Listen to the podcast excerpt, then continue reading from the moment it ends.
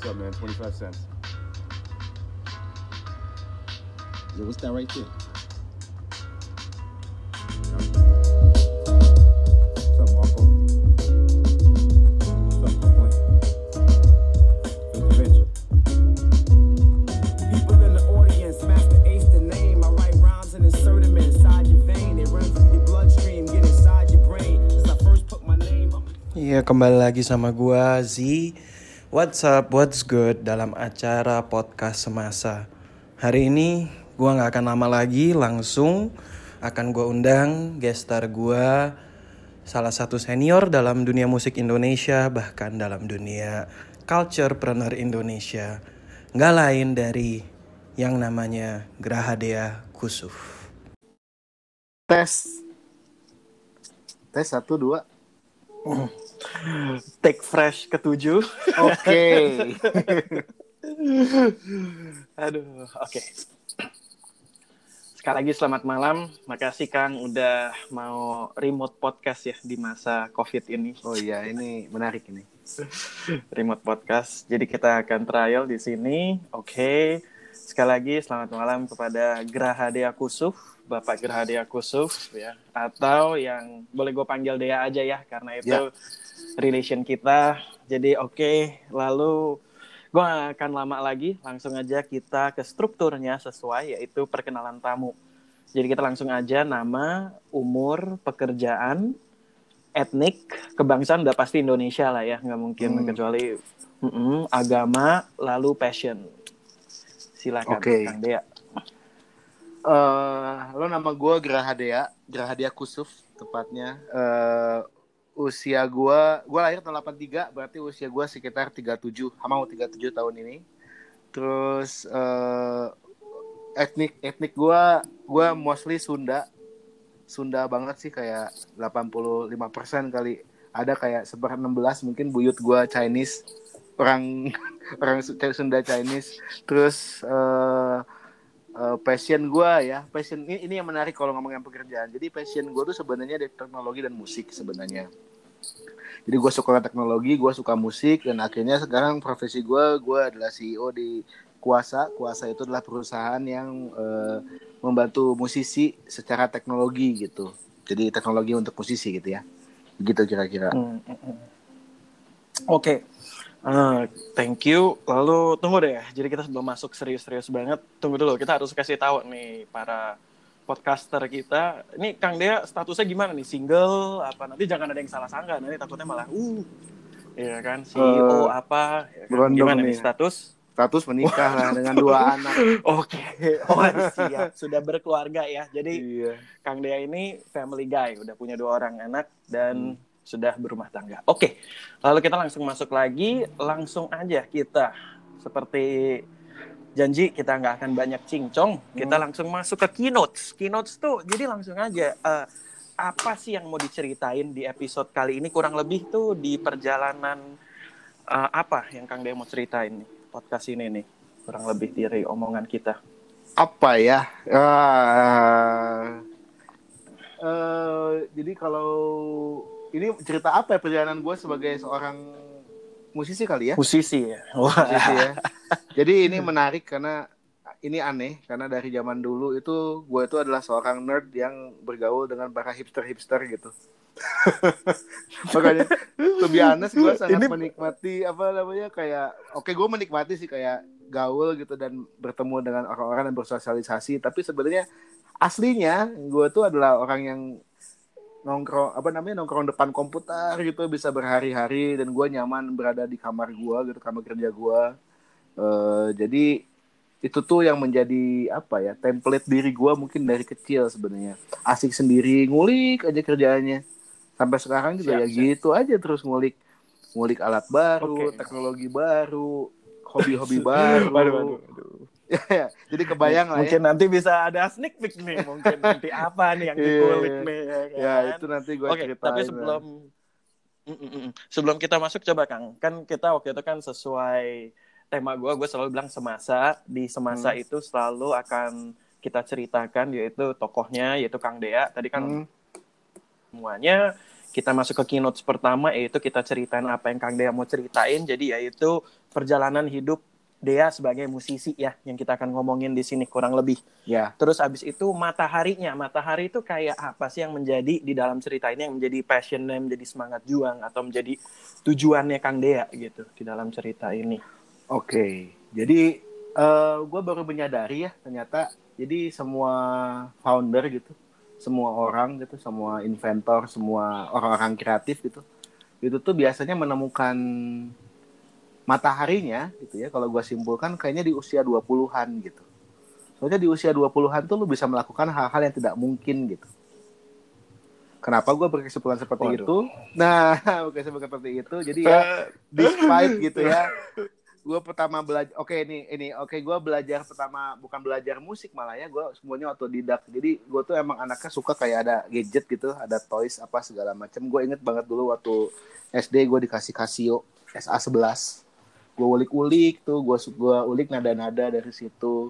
Terus SMP gue mengenal komputer SMP itu tahun 94an di situ gue menemukan dari game gitu ya ada namanya musik elektronik namanya. Jadi gue main game di PS namanya Wipeout XL di dalam itu ada buklet isinya itu adalah musisi-musisi elektronika yang keren-keren pada masa itu. Sampai sekarang kayaknya XL jadi kalau beli CD PS pada masa itu lu bisa play XL, Discman. sorry, Anjing Discman man. Ah, Discman. Eranya Discman.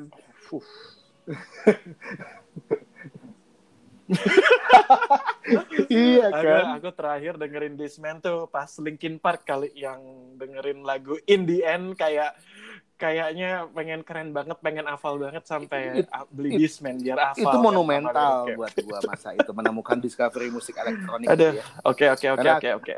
94-an lah. Itu berarti gua kelas SMP kelas 1 kali.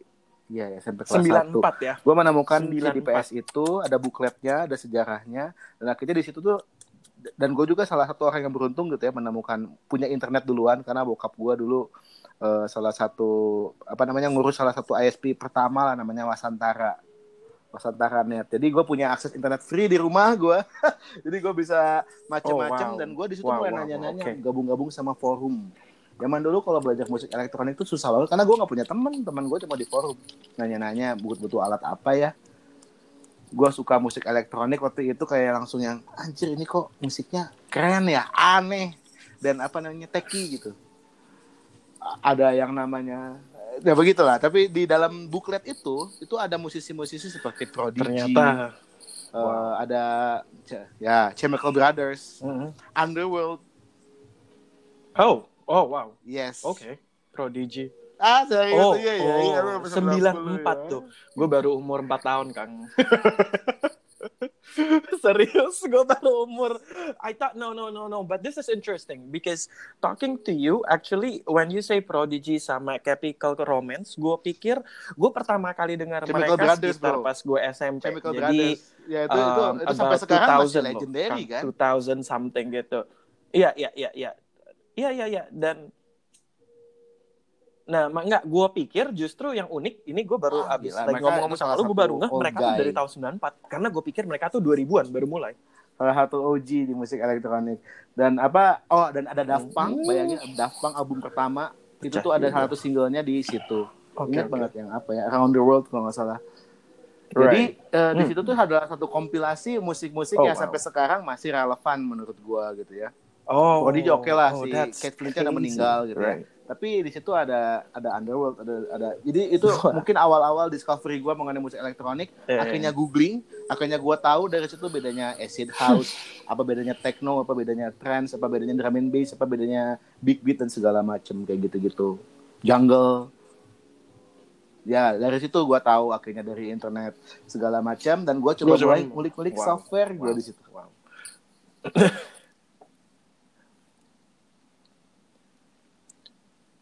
literally literally beneran otodidak ya karena di Indonesia Nah. oke itu music scene-nya juga gua Yes, rasa 94 mah itu nggak ada yang bisa gua elektronik ya, tanya nggak waktu itu. terlalu jadi elektronik ya Indonesia ya ya makanya bener-bener itu, itu eh, makanya kenapa eh, self self made nempel ke hati gue buat belajar itu gue discover sendiri gitu out of nowhere gitu oke Oke, Kang. Sorry. Oke, sorry. Kita udah mau masuk lagi. Hmm. Pertanyaan gue tadi kan kena mat- jadi matahari, lu Matahari apa nih di sini? Jadi bagi gue apa ya, yang bikin lu matahari gue adalah is- di saat gue discovering my Like, passion yang sampai sekarang akhirnya gue jalani. Hmm. Ya, bagi lu.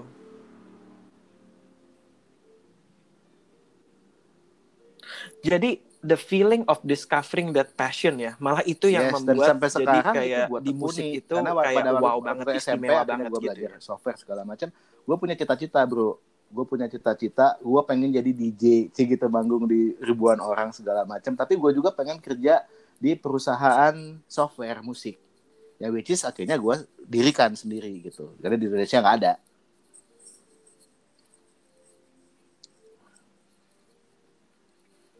Right, right. Oke, Hmm. music is your passion. Oke, oke, oke. That's cool. Oke. Tapi Kang, maksudnya aku mau Ya. tahu Kang, dari dulu dari kecil waktu itu Hmm. gimana bisa suka musik kan kalau teknologi mungkin kan kayak abis lu berjalan lu jadi suka ya kan tapi kalau musik musik sendiri gitu terus kalau DJ kan ya mungkin lu lihat ya lu nonton lu apa tapi kalau Jadi how- itu how- how emang becomes dari music tuh jadi kayak 94 oh ya gitu ya, dari gua Gitu. SD Dan malah. musik elektronik SD gua gitu. menemukan gadget-gadget kecil-kecil itu ya kayak Casio Casioan itu. SMP gua mulai kenal musik elektronik dari PS. Terus gua menemu gua juga di rumah ada yang namanya MTV karena punya parabola kita di rumah.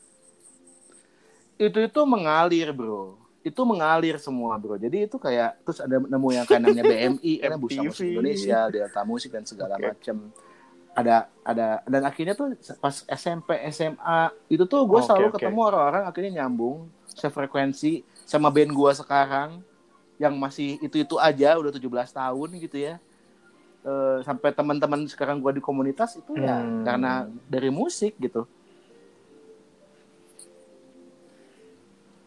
hmm. Ini lumayan unik nih. Kalau aku boleh simpulkan ya, berarti kurang lebih mataharinya gini loh, Kang. Kang itu mataharinya, Hmm. berarti si Dea ini mataharinya atau passionnya bahkan tuh terbentuk Yes. ya, bukan kayak bukan kayak udah tahu dari awal ya, justru dalam perjalanan ketika Kang always find it fashionable, always find it unique with music and electronic tuh jadi Yes. pas taunya rasa itu bikin tambah Betul. passionate passionate about music and electronic music ya oke sama ekosistem itu menarik. Oke, now suksesnya Kang Dea nih, suksesnya one million Timing, dollar bro. question. Suksesnya Kang Dea, hasil apa timing? Hasil apa timing? timing Oh timing. Oke, ini tim timing. Oke, it's all Karena about timing. Oke, time to why market. why a quick itu tuh yang why namanya konsep-konsep kayak important Steve Jobs, Bill? Gates segala macam. Mereka pernah mengeluarkan produk-produk keren gitu. Ada produk-produk eh, Apple besar gara-gara iPhone kan? Eh sorry, i- bukan iPhone, iPod. Gara-gara iPod. Sebelumnya tuh udah pernah ada yang bikin kayak dari Rhapsody, media apa segala macam bikin MP3 player, hmm. Nomad dulu namanya ada. Tapi mereka nggak membuat itu ekosistem, mereka merilis itu di timing yang salah. Jadinya Apple yang berhasil. Right, right. Rezeki bro, itu Apple tuh rezeki bro. Itu perusahaan udah mau mati tuh. Hmm. Yes. Mm, mm, mm, mm. Oke, so it's all about timing, Kang Dea. Oke, oke. Nah, takeaway-nya dari nah, cerita ini ada kalau dua. saran networking Ini di dunia musik gimana, Kang? Di komunitas hobi apa pun. Lu relate dengan orang Oke. apa pun. Misalnya, lu ngomong hustling dengan Oke. seseorang, ya lu bikin relate dengan dia. Misalnya orang itu, lu cari tahu background tentang dia, dia kesukaannya apa, apa, what something that ticks him gitu, atau her gitu ya. Misalnya, eh, dia suka musik elektronik atau dia suka gitar, dia gila gitar Oke. misalnya, atau Oke, gila oke. synthesizer atau gila software gitu ya. Lu cari tahu, lu bikin sesu- jadi itu pasti natural karena lu juga kalau seandainya lu hustling ke orang, lu mesti punya ada sesuatu yang ticks you kan. Begitu, Bro. Ya, ya, ya. Oke, oke, oke, oke, oke, oke. Satu lagi Oke. apa Itu ya satu? Ini, satu lagi? udah sih cuman dua sih itu kayaknya cuman itu. Kalau kata gue ya. Jadi eh, oh sorry, tadi itu pertama dua. interest ya, berarti common interest ya. Ya, yang pertama adalah cari common interest dan kedua Interest, interest, cari common sesuatu- interest. ya, Finding his common satu lagi interest. masih Oke. sesuatu yang tics dia gitu tapi bukan common Mhm. interest tapi sesuatu yang emang eh gue pernah berapa kali akhirnya bisa jadi opening buat seseorang satu isu Oke, satu oke. isu yang jadi keresahan dia Dia Ah, suka gitu. ya. gue sering gue sering banget ketemu seseorang, gue cuma ngomongnya gini kalau key openingnya, Pak, gue punya jadi- keresahan. Padahal itu gue yakin dia juga resah masalah itu. Gue punya keresahan misalnya mengenai ekosistem musik, mengenai musisi sekarang lagi gini-gini, Oh. atau sekarang di corona Oke, lah, oke, apa oke. segala macam, atau entrepreneurship, atau tech gitu ya. Tapi pasti ada sesuatu yang seseorang itu juga lagi mikirin, terus kayak lu masuk, tak, ada sesuatu yang coba lu solve bersama, ah itu dia. Yes. Oke, oke, that's cool. So two things Hah? from networking dari Kang Dea adalah yang Yes. pertama, to find a common interest between you and the guy or the girls or whoever you wanna network. Yang kedua adalah be sensitive, know Common what goals. likes, Ah, hobi dua. dia, apa Common interest, keresahan common dia, goals. ataupun apa yang dia lagi gumulkan ya. Boleh ya, Kang, gue ngomong. Common goals, common goals. Wow, wow, wow. Oke, common interest and common goals. Oke, next question. Uh, eksperimental. Bagaimana kalau saya mau bereksperimen di dunia musik? Sarannya dari seorang ahli Kang Dea. Karena kan misalnya kayak tadi, kan Kang Dea bilang timing dan Kang Dea mungkin hoki lah. Kita ngomong uh, dapat kesempatan ya bahwa Kang Dea dapat internet ini jadi bisa ngomong. Tapi kan kalau orang misalnya Betul. zaman itu mungkin pada sekali, eksperimennya jadi penyanyi rock ya Kang ya. Bener nggak Kang? 94-an tuh. Nah, iya kan maksudnya nah sekarang dari kan kayak gitu maksudnya oh gue eksperimen nih. Sekarang orang eksperimen Betul. jangan sampai mereka eksperimen eksperimen 10 itu tahun nggak ke mana-mana, ada, ada kan dua, kesian, ada ya. dua nih Menurut ya, Kang kuncinya gimana nih. eksperimen Yang yang pertama adalah orang-orang musik eh, nih? Ayo kan. itu emang sesuatu yang emang menjadi passion lu gitu ya. Dan lu eksperimen di bidang yang itu. Jadi jadi lu be genuine gitu ya. Jadi sesuatu yang emang lu suka ya emang lu tuh ulik gitu ya pertama. Dan yang kedua adalah pandai melihat tren ke depan. Kenapa? Ini nyambung lagi kayak masalah menjadi seorang inisiator atau menjadi seorang inovator gitu ya. Lu mesti cari sesuatu yang eh, apa yang kira-kira dari 10 tahun dari sekarang itu akan Oke. besar. Lima tahun dari sekarang itu akan besar oke gini kayak Steve ini ini anggaplah Bill Gates. Bill Gates dulu dia passionnya dia ya tech lah. Dia dia punya goal Oh, wow. dia pengen ada a PC on every home. Itu dulu tahap pertama kali dia bikin Microsoft. Dia mikirnya seperti itu. Dan sekarang udah bukan PC lagi. Hmm, semua hmm, teknologi udah ada di every home gitu ya. Semua orang punya komputer mungkin lebih dari 20 kali. Termasuk mesin cuci lo termasuk kulkas lo yang TV lo yang smart itu handphone lo yang smart itu gitu kan jadi begitu Right, jadi right, right. kalau seandainya dia menjadi seorang inovator di situ, dia menjadi seorang yang Hmm. duluan ada di situ. Berdarah-darah, Bro. Tapi itu adalah sesuatu yang membuat jadi kalau gini lah. Oke lah, sekarang anggaplah sekarang lagi tren musik folk. Kalau lo bikin musik folk telat, Bro. Udah ada nabi-nabinya, udah ada nabi-nabinya. Lo mau jadi pakar Hmm, startup apa hmm, segala oke, macam oke, udah oke, banyak oke. nabi-nabinya, udah jelas Oh, clear winner oke, siapa oke. aja. Wow, Sekarang ada wow, saatnya wow. mungkin eh, kalau katanya, katanya sih 10 tahun ke depan itu yang lagi seru itu tuh adalah eh, kearifan lokal dan sesuatu yang sifatnya sangat membumi. Ngerti ya?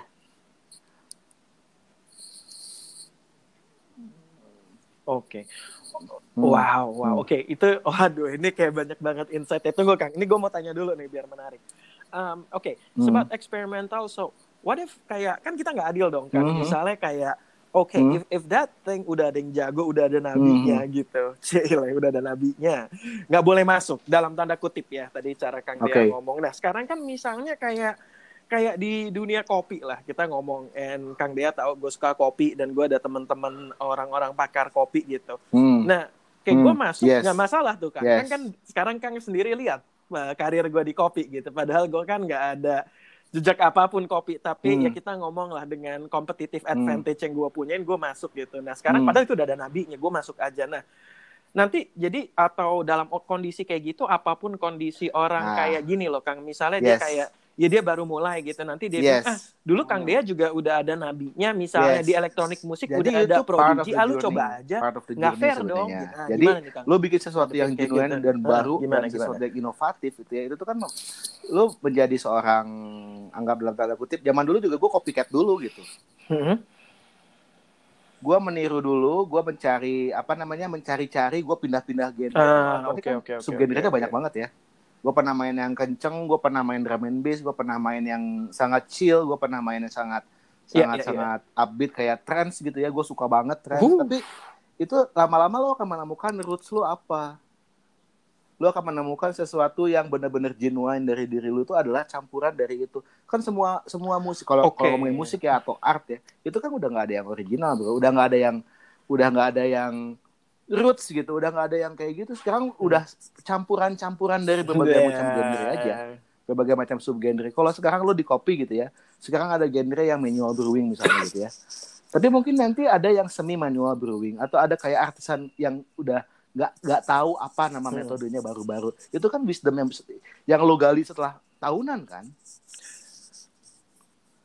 Tunggu, ini Wah, ini ini menarik. Jadi artinya don't be scared to Yes. to find roots, your roots. You can find your roots through copying Yes. people.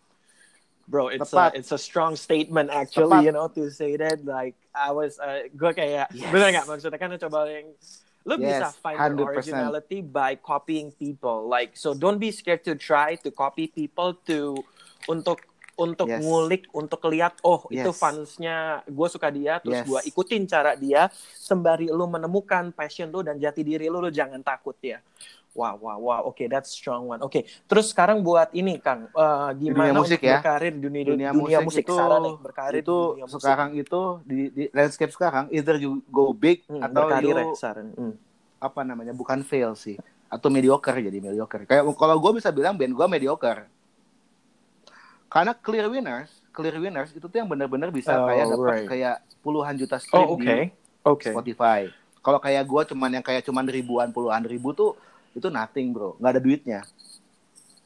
Oh oke. Jadi sekarang lu masih benar-benar kayak stand out banget karena namanya orang jago Oke, namanya oke. orang yang sangat inovatif genre-genre baru yang ada yang mungkin ya bisa dibilang kayak ada yang megang jazz di Indonesia. Dulu nih gue cerita mengenai musik indie ya kenapa dulu musik indie heboh banget itu tuh tahun 2000-an gue inget karena semua orang dengerin mainstream bro sekarang semua orang udah indie Hmm, hmm, hmm, hmm. Tapi ngerti ya kira-kira gimana kan Hmm. Ya kan? Jadi lo memang mesti beda. Lo mesti punya Hmm. DNA sendiri. Kenapa tadi gue bisa dap Iya, iya, bisa iya, ngomong iya, dapatkan itu dari meniru ya? Meniru itu adalah sebuah proses. Meniru itu bukan cuman sekedar kayak lo ambil copy and Right, paste nggak right, bisa right. kayak Iya, iya, gitu. Itu iya. tuh proses yang sangat panjang dan butuh genuinity. Jadi kalau lu niru nih, nggak tahu ya kalau selama ini gue tuh udah pada tahap kalau gue niru jadinya gue gitu. Karena gue Oh wow. Kalau gua niru jadinya gua. Oke, so can I say like this? So what you're trying to do, what what jadi essentially apa yang kita coba katakan di sini, apa Kang Dea coba katakan adalah ketika Kang Dea melihat sesuatu dan Kang Dea Yes. ingin meniru, is actually Kang Dea melihat cara dia, craftsmanship dia, habis dilihat craftsmanship-nya, diikutkan ya. Kita jadi karena craftsmanship tuh nggak cuman kayak lihat, tapi harus ada prosesnya. Kang Dea akan mengikuti proses Betul. craftsmanship dia dan mengkontekstualisasi ke ini misalnya ya Kang Dea. eh, jadi itu eh, kayak gue Wow. ngopi paste satu lagu anggaplah gue niru dari bandnya band shoegaze gue bikin jadi elektronik bro dengan sound gue Oke. In- in- apa namanya eh, pakem-pakemnya menggunakan banyak Oke. reverb banyak delay gitu efek-efek yang mengawang-awang segala macam itu gue ambil tapi gue jadi menjadi musik elektronik yang which is gue ambil dari yang lain gitu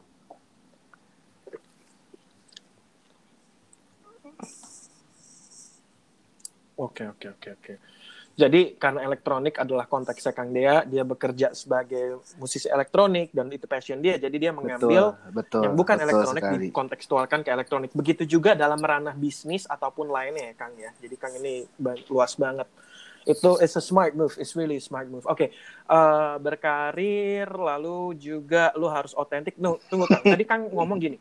Ini very a strong, a strong, powerful juga statement. Jadi Kang dia gini, kalau sekarang sukses Wah. itu dihitungnya dari berapa lu punya pendengar di Iya. Spotify. Artinya, artinya apakah ya Spotify itu ataupun website streaming online itu lebih powerful dibandingkan Kenapa? keadaan Karena ini sesimpel ini bro. Gue ngomong kayak gitu karena sesimpel kalau digital lo bisa lo bisa Loh. measure anything. Ada ada apa namanya tuh key apa ya Right, namanya right, right. key key key performance Oh, indicator oke, lah. oke. ada KPI di situ. Lo bisa hitung berapa orang stream, berapa orang yang Key, nge-like, berapa orang yang Iya, engage, KPI, berapa orang right, yang right, akhirnya Ya, ya, ngundang ya, lo oke. gitu. Kalau di offline itu agak susah. Begitu, kecuali lo besar banget. Gitu aja sih. Itu mah cuma Right, simpel. Ini right, mah right. technical balik lagi ya. Oke oke oke. Right right oke. Right right oke oke oke. Oke. Lalu sebelum kita akhiri ini kayak lama banget karena sama Kang Dea kayaknya keynote-nya bisa 24 menit nih udahan. Seru nih jadinya. Tunggu. Oke, terakhir. Kalau kita kan di dunia Wah, film musik itu is it possible to go like lone ya? wolf apa harus Ada yang iya, ada yang tidak. Tapi pada akhirnya sih kalau gua lihat eh, lebih baik komunal Mhm. kalau zaman sekarang itu era eranya era kolaborasi soalnya bro. Lo bisa lebih mudah dikenal dengan di komunitas lo daripada diri lo sendiri kalau gua lihat ya. Oke. Apa bendera yang anda usung? Oke. Wow, oke. Oke, tunggu Ya. gini. Kita mulai kita pecahkan gini. Oke, lebih baik komunal daripada sendiri Hmm, atau lebih baik kolaboratif? Juga tadi kan dibilang sorry bukan atau lebih, tapi lebih baik kolaboratif kata dia atau memiliki tim kata Kang Dea. Nah, sekarang kalau gitu gimana Ah, ini saran lagi. Kang Dea untuk membuat kolaborasi ini balik lagi ya. tim Ini yang kalau di sih sangat, gua terkenal punya Kang Dea tim yang sama-sama Ah. aja udah puluhan tahun. Mau di band gue di perusahaan Oke. gue ya. Makanya itu juga. Tapi intinya ada sesuatu ada Oke. jadi kalau dua ada orang orang Oke, itu tuh oke, bisa di drive pakai Oke, dua oke, hal oke. Hanya dua hal. Kalau gua lihat ya either itu uang atau kedua adalah idealistic views Oke. atau goals atau sesuatu yang takes him yang gua tadi bilang itu. Jadi ya ya kan? Jadi cari common interestnya apa common goalsnya apa Ini kepentingan Wow, anda oke, apa. Kalau seandainya di situ nyambung udah beres. Soalnya kan ada macam-macam orang ya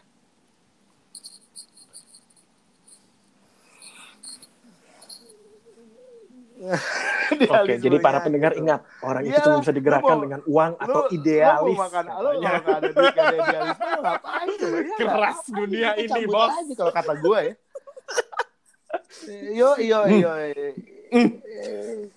yo iya, Hard truth, iya, hard truth, kan- brother. idealistik Hard truth you're giving to the people, lu to the kan youngsters. sesuatu yang ingin lu coba ubah lu coba gapai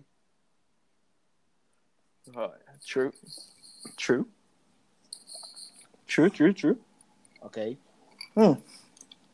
Oke. Jadi saya simpulkan dulu. Saran networking kata Kang Dea adalah dua hal. Yang pertama adalah untuk yaitu yang Hmm. pertama kata Kang Dea networking adalah to find your common interest with the people who you want to network or the group or the orang-orang yang lu mau network lu harus find uh, apa yang sama, titik ranah yang sama. Kedua, bukan hanya cari apa yang lu suka, tapi apa yang benar-benar orang atau grup yang lu mau network mereka tuh memiliki Hmm. goals-nya apa dan lu mau juga ikut serta dalam itu, oke? Lalu yang kedua, kalau bereksperimen kata Kang Dea tadi eksperimen itu ada kayak dua macam. Yang pertama emang genuine, jadi harus mulanya eksperimen tuh karena genuine karena emang suka tentang hal itu dan setelah betul kita suka hal itu emang genuine, jangan takut untuk bereksperimen dengan mengcopy. self ya Yeah, because with copying you will find your true roots adalah salah satu ya your true self bisa ditemukan dengan copy.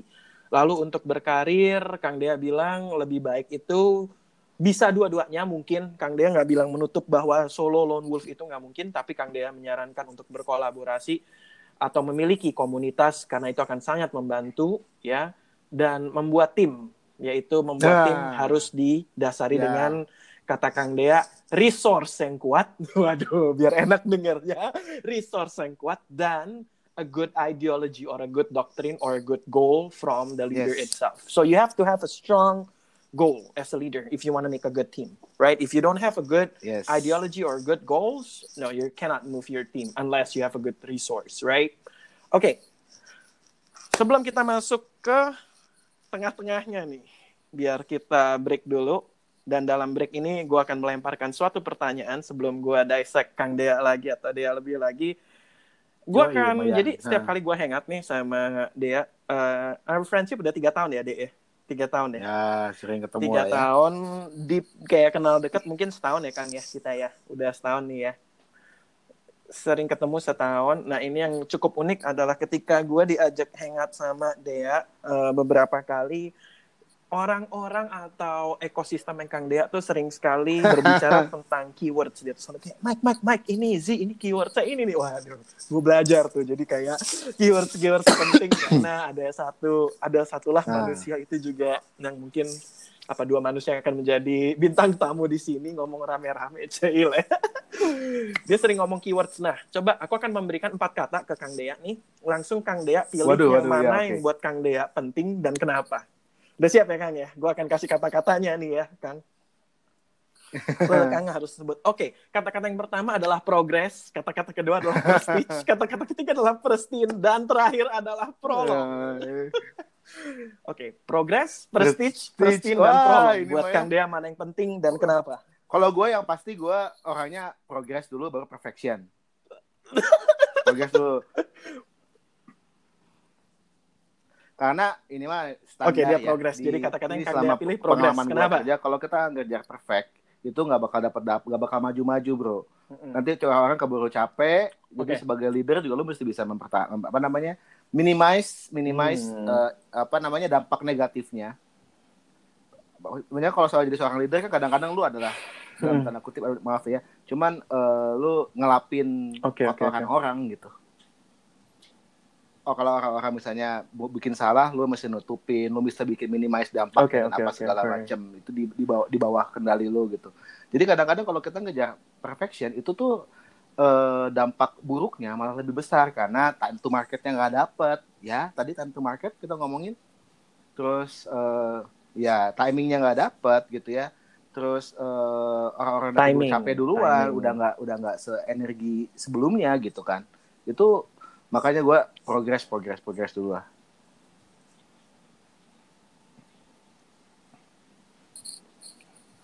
Ini gila banget. Jadi for Dea, the keyword Yes. right now is progress. Why? Karena buat dia progress is more important than perfection.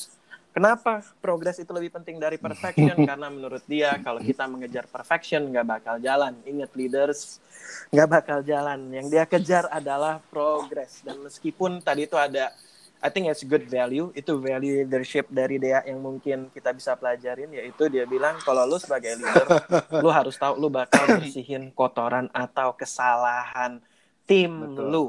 Yang di luar yang di luar kuasa Betul, lu bener nggak dek maksudnya ya lu nggak bisa kontrol kan kalau mereka kayak buat salah apa apa apa. Bener nggak dek maksudnya lu nggak bisa kontrol itu.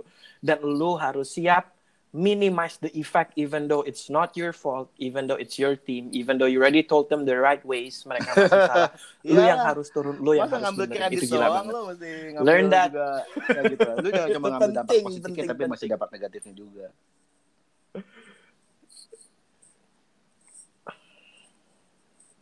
Siap, siap, siap. Oke, kita akan masuk Kang langsung ke bodinya. That's the takeaway. Amin, Guys, amin. it's a bit long karena banyak banget yang bagus nih dari Dea nih. Kita langsung masuk aja ke ininya. Kang Dea sebagai jadi tadi Kang Dea udah sebut lagi ya Kang Dea tadi udah pernah sebut dia bilang dia adalah ada uh, startup dia ataupun enggak startup juga sih itu udah kayak lama banget dia punya company udahan sebenarnya guys jadi ya itu dia udah punya company dia juga punya band ya. Kayak dia punya band dan dia juga kita akan kenal dia sebagai individu ya. Dia sebagai dia yang pertama mungkin kita akan uh, telaah Hmm. atau kita akan dissect. Sekarang gue akan ngomongin masuk ke Dea sebagai musisi band. Yaitu bandnya yang mungkin udah ada yang tahu Yes, betul. dengan nama Gerhadea Kusuf tapi yang belum tahu bandnya dia namanya Homogenic. Bener nggak Dea? Namanya Homogenic atau kalau kalian Google atau Yes. kalian mau YouTube yaitu H besar M besar G besar N besar dan C besar. It's an Indonesian electro electro pop trio established in 2002 bener nggak Kang? Di Bandung. Dan dengan original membersnya Gerhadea Kusuf yang gua kita tahu dia adalah kayak scene betul. dan programming. Lalu ada Dina Deliana ya Kang ya? Benar nggak? Dina ya keyboard scene dan Hmm, programming. Dan Betul, dulu tepat. Risa Saraswati sebagai vokal.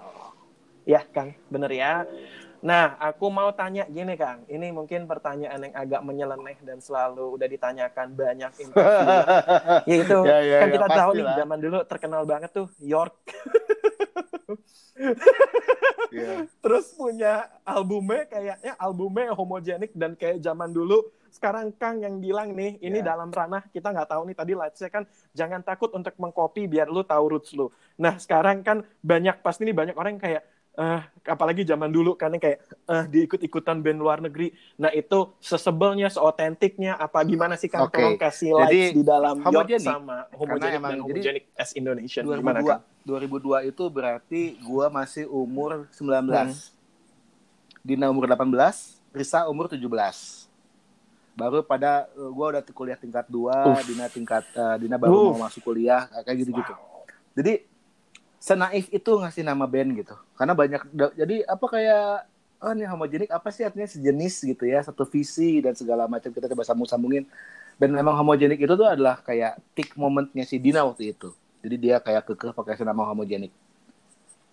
Karena makin ke karena pada waktu itu Hmm. kita suka aja musik elektronik kan zaman- oke, pada oke, masa oke. itu ya tahun tahun 2000-an itu musik elektronik berarti dugem dan itu rave party dan itu kayak kenceng-kenceng Hmm. gitu. Dan sed- sedangkan kita malah lakukan sebaliknya, kita bikin lagu Hmm. musik elektronik yang emang ambient, yang santai-santai. Oke, oke. Dan itu tuh itu kita meniru musik-musik yang pada masa itu. Jadi karena kita udah tahu namanya homogenik, kita nggak mau mirip banget sama Bjork. Jadi kita ambil yang lain, trip hop kita ambil, musik-musik ambient kita ambil, ngerti kan? Jadi kayak kayak gitu. Dan Right, sampai right, right. sekarang itu kayak ketahuan Iya, gitu. iya, iya. oh, ternyata album musik-musik Iya, yang iya, homogenik itu dari dulu yang kita jadikan referensi selalu musik-musik hitam, musik-musik kulit hitam gitu ya, yang dibawakan oleh bule-bule atau Jepang.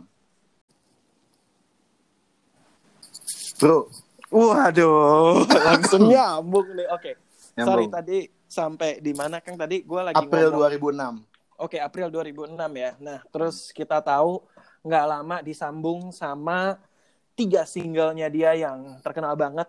Kita tahulah andalannya Utopia, Untukmu, Duniaku, and Unfolding the Sympathy. Waduh, itu nggak lama menjadi soundtrack di film indie namanya Cinta.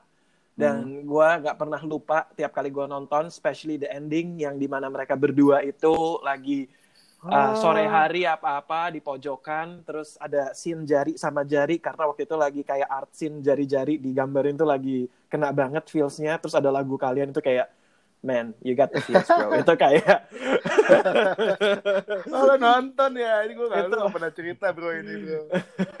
Ma- eh, itu spesial kan makanya gue bilang podcast kali ini banyak spesial lalu kita langsung aja dari situ yaitu yaitu pertama kali gimana Kang Dea uh, berinteraksi dengan Samaria Simanjuntak ya yaitu direkturnya dan nah ini yang sebenarnya gue ingin kulik itu perkataannya begini that project enable jadi memungkinkan band to perform in London, Birmingham, Newcastle, and Manchester. Yes.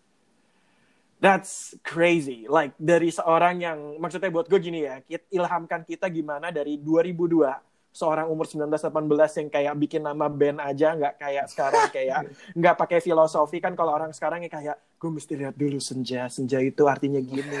Ya. Ini dari seorang tiga anak muda yang kayak ah ya ada homogenik ya buat ya.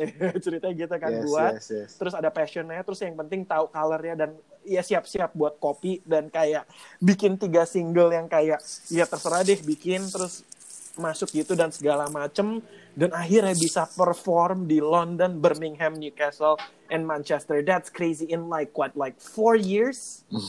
you go from gua anak SMA sampai gua kayak bisa perform di London. And I mean like that's crazy though for untuk band Indonesia buat tahun-tahun 2000 segitu bisa keluar negeri. It's a must be some achievement. Jadi gimana Kang itu ilhamnya tolong Kang.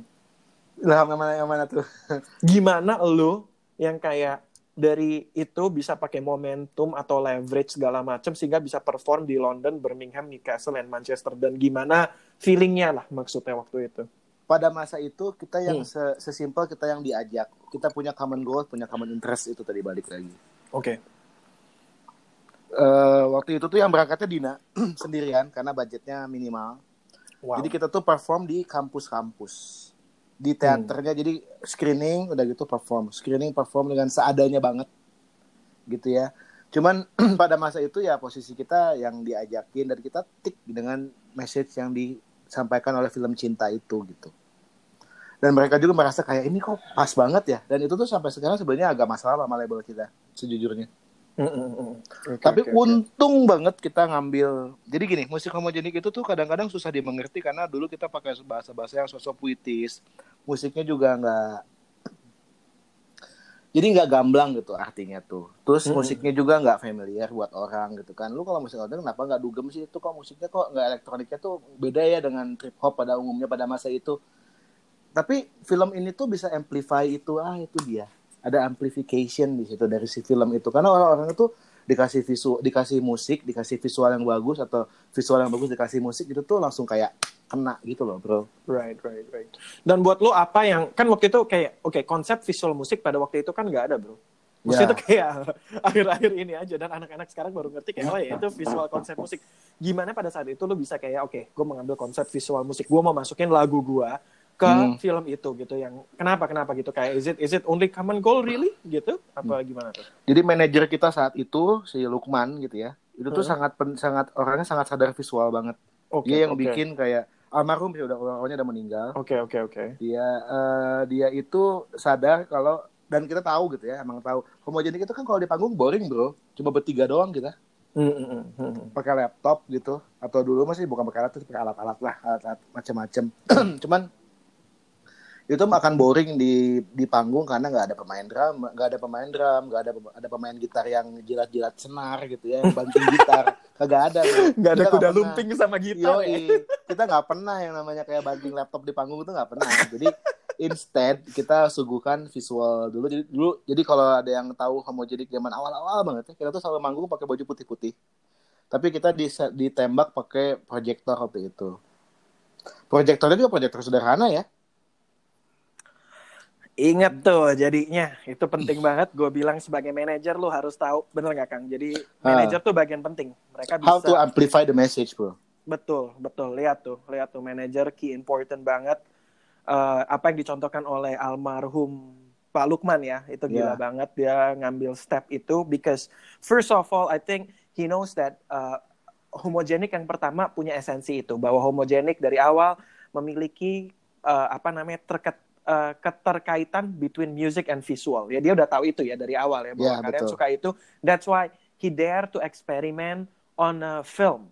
To Hmm. to buat film dengan homogenik. Itu gila banget. Lalu yang kedua inget tuh buat kalian yang baru dengar mungkin yang bertanya-tanya oh kayaknya kan kalau sekarang kayaknya gini Kang. Aku cuma mau kasih pesan gini.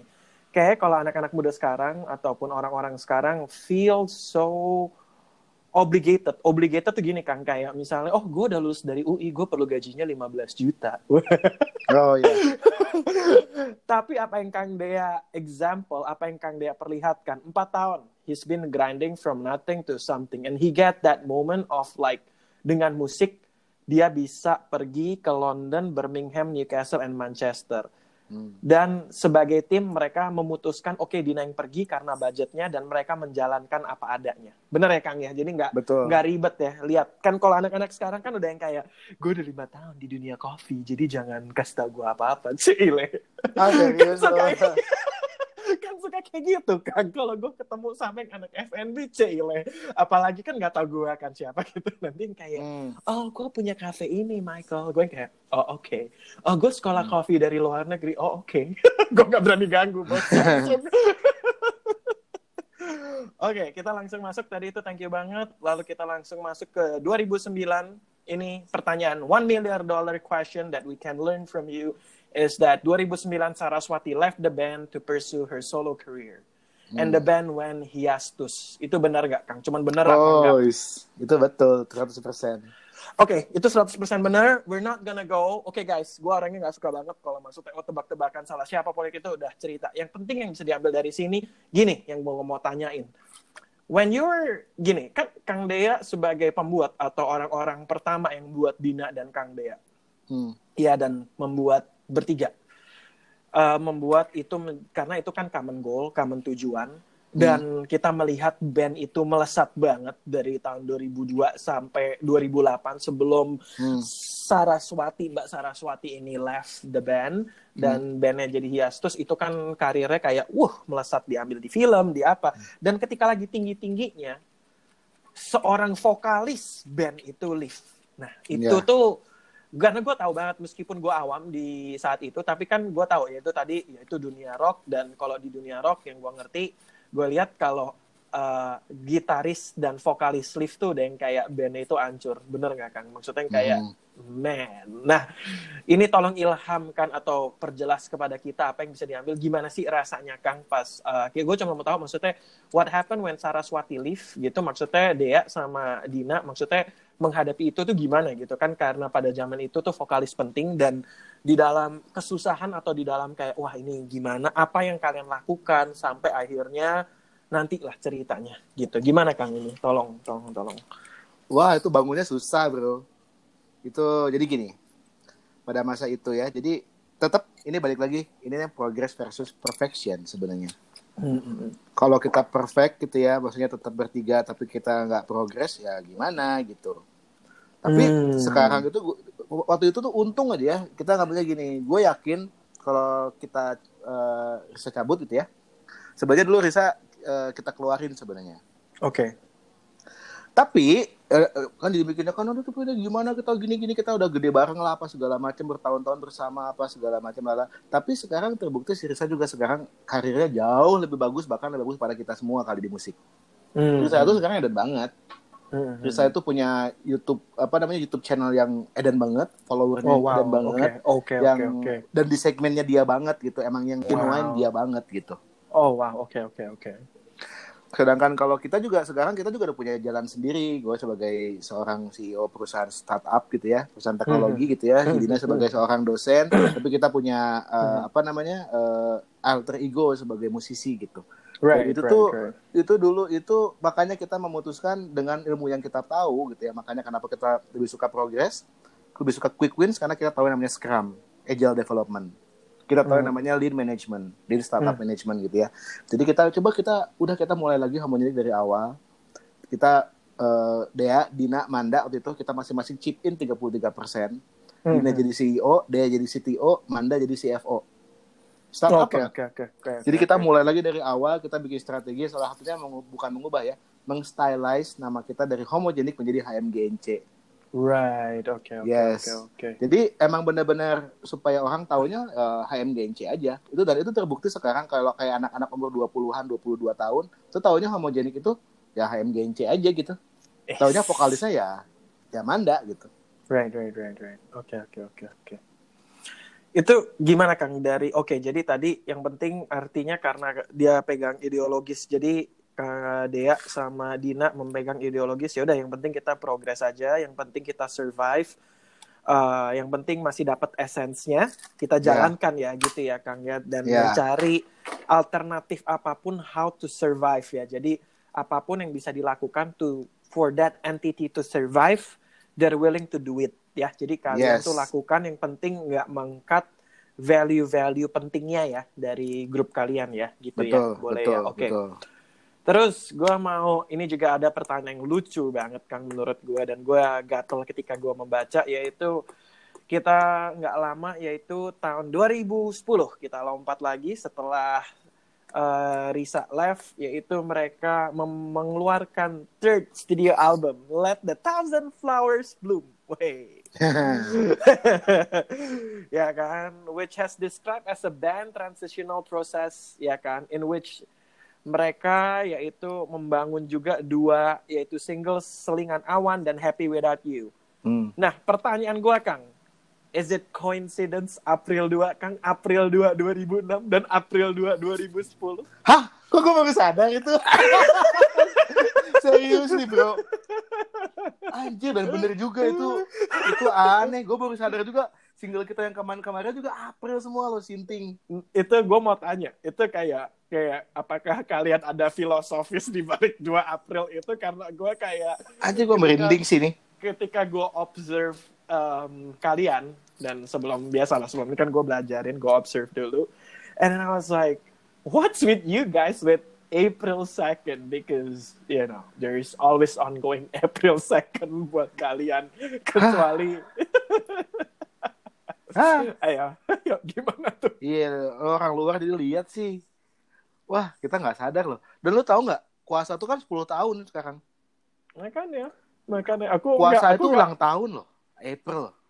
makanya gue nggak mau nguak itu kalau gue kuak itu nanti ini jadinya orang Oh my god. gue makanya dari homogenik dulu nih kenapa nih kalau gue hubungkan ke semuanya nanti gue jadi ini bukan postcard eh, apa bukan podcast semasa gue jadi podcast teori ini lagi Ya, konspirasi ya. teori konspirasi homogenik Iya juga Kang? ya. itu nggak gimana gimana itu ada what, what is it just coincidence for now that's the answer Seriously coincidence bro. Tapi mungkin Seriously. ya.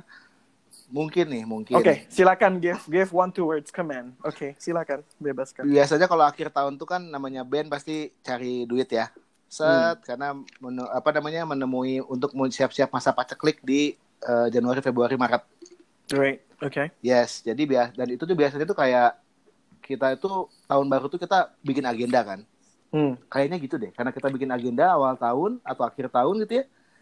Itu baru di realize ya April biasanya. Mungkin Hmm. kayak gitu. Hmm. Aduh, oke. Fast forward 2012, the band sign contract with UMKL 347. Itu apa tuh, Kang? Uncle itu clothing, Bro. Oke. Sampai sekarang juga jadi kolaborator kita buat bikin merchandise. Nice. Oke. And release their fourth album, Let's Talk. 2013, the band reteam with Risa, eh, with Samaria Simanjuntak ya. ya. Dan uh, produce a soundtrack untuk film Demi Ucok. Asik. Hmm. Terus ada lagunya Get Up and Go. Dan ini yang mungkin 2013 adalah gue gue sebenarnya itu dari dulu udah pernah dengar kan gue sekolahnya di TM dulu asik TM Nah, TM-nya. ya ada anak-anak TM tuh sering denger Prambors lebih daripada Sky zamannya Panda asik Hmm. Panda Panda ya. ampun. ya nah waktu itu kan sering banget kita dengar homogenik tapi 2013 itu mungkin yang angkat banget karena sekali lagi on 2013 the single Get Up and Go was the first single on the album that was also featured in Organic Records compilation Radio Killed the TV Star. Benar ya Kang ya? Yes. itu gimana Kang? Itu gila banget. Itu kayak kayak satu Indonesia kayak "Hah, homogenik bisa masuk ini. Itu gimana Kang? Tolong Kang. Jadi karena jadi waktu itu tuh lagi masa-masanya semua orang mengindi-indikan diri. Oke. Kebetulan anak-anak Malik and Essentials itu juga lagi indie lagi indie-indinya. Oke. Lagi karena dia merasa dan dia tuh deket banget sama anak-anak indie sebenarnya anak-anak Malik tuh. Cuma anak-anak indie yang mainnya di major kayak gitu-gitu lah. Oke. Jadi mereka tuh ngumpulin teman-teman mereka di indie termasuk kita, termasuk Sore, termasuk Moka, termasuk dan lain-lain gitu ya untuk bikin satu kompilasi bareng-bareng. Hmm. Nah, kebetulan si Get Up and Go itu tuh kita buat sebenarnya berdasarkan pesanan. Itu Oke. momen. Jarang-jarang kita bikin lagu full itu sih. Oke oke oke. itu pesanan karena dari Mbak Atit ya dari Samaria Samanjuntak untuk minta Hmm. bikin lagunya yang yang cheerful dong ini buat ending nih gitu. Gue pengen orang Oke. keluar dari dari apa namanya dari bioskop dengan muka tersenyum gitu.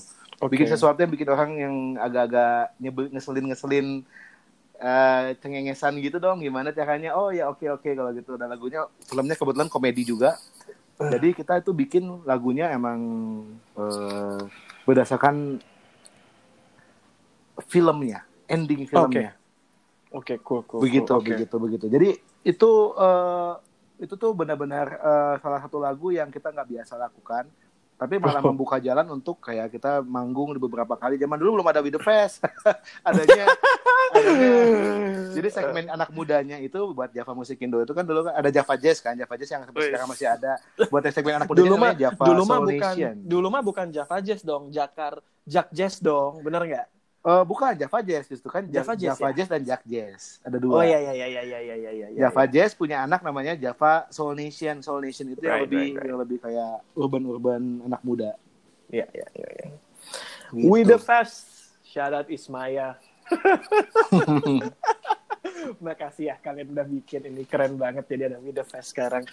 Dulu belum ada yaitu musisi-musisi harus hustle dan mencari Ya itu penting banget dari tadi gue belajar yaitu don't don't be scared to experiment the things out of your uh, box. Jadi kayak tadi Kang Dea dengan justru dia mengikuti kemauan dalam tanda kutip kemauan atau pesanan dari uh, Mbak Atit atau Samaria Simanjuntak malah itu membuat dia terbuka terhadap uh, Yes. ini ya Another, sesuatu hal-hal another pintu-pintu baru ya Kang. Buat ya. Kan- eksperimental, ini eksperimental Enggak, sebenarnya. karena kan kalau orang segini suka gini Kang, kayak gue ada nih, gue singgung aja langsung nih, kan kemarin, gue kalau nyentil gue suka Kang. Jadi kemarin tuh ada, ya adalah seorang artis yang masuk dalam Asian Games. Asik Kang. Oh, oke, oke.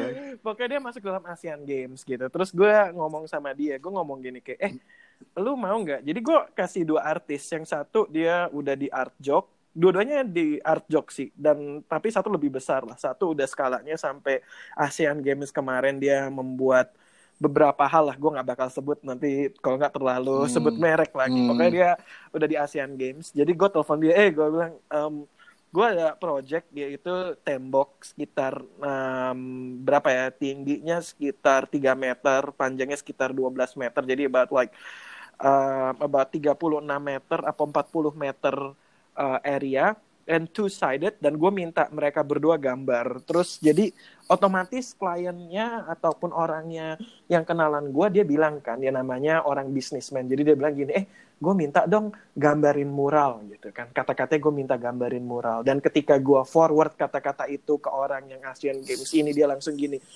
eh Zik, gue bukan ini ya, bukan sombong sama lu, gue sama lu baik-baik aja. Tapi lu bilangin orang bisnismen ya dong. Emang lu lihat karya gue itu mural? Waduh.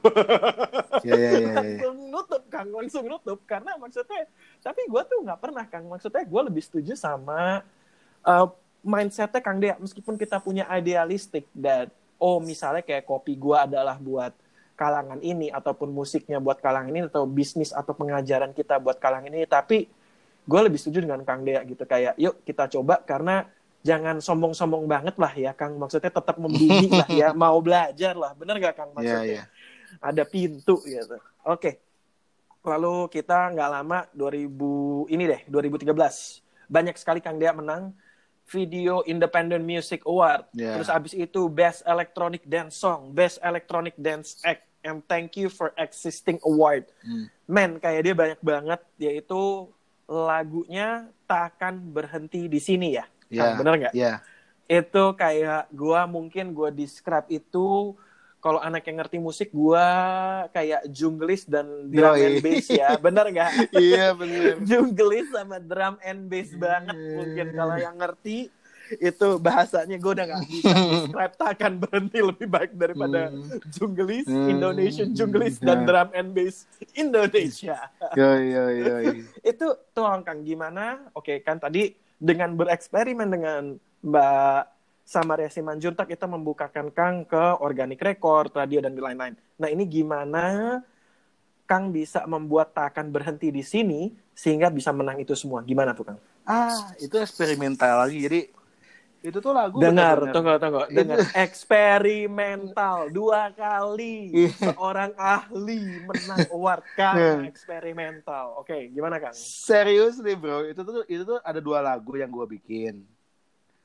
Karena lagu itu dua itu lagu itu mentok, gue jadi gue jadiin satu. Jadinya lagu itu. Anjir. Serius nih kayak gitu. Gue mendengarnya, gue lagi menunggu cerita besarnya cuma itu lagu kepanjangan. Gue judar jadi satu jadi itu Iya, kayak Jadi what? itu.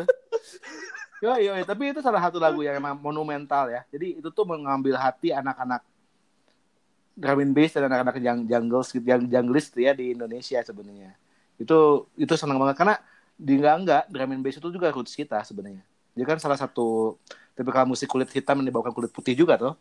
Gue gue gue suka banget the the fact that you're very humble dude that you you dare to experiment no matter how far you go. That's that's a key take of this podcast.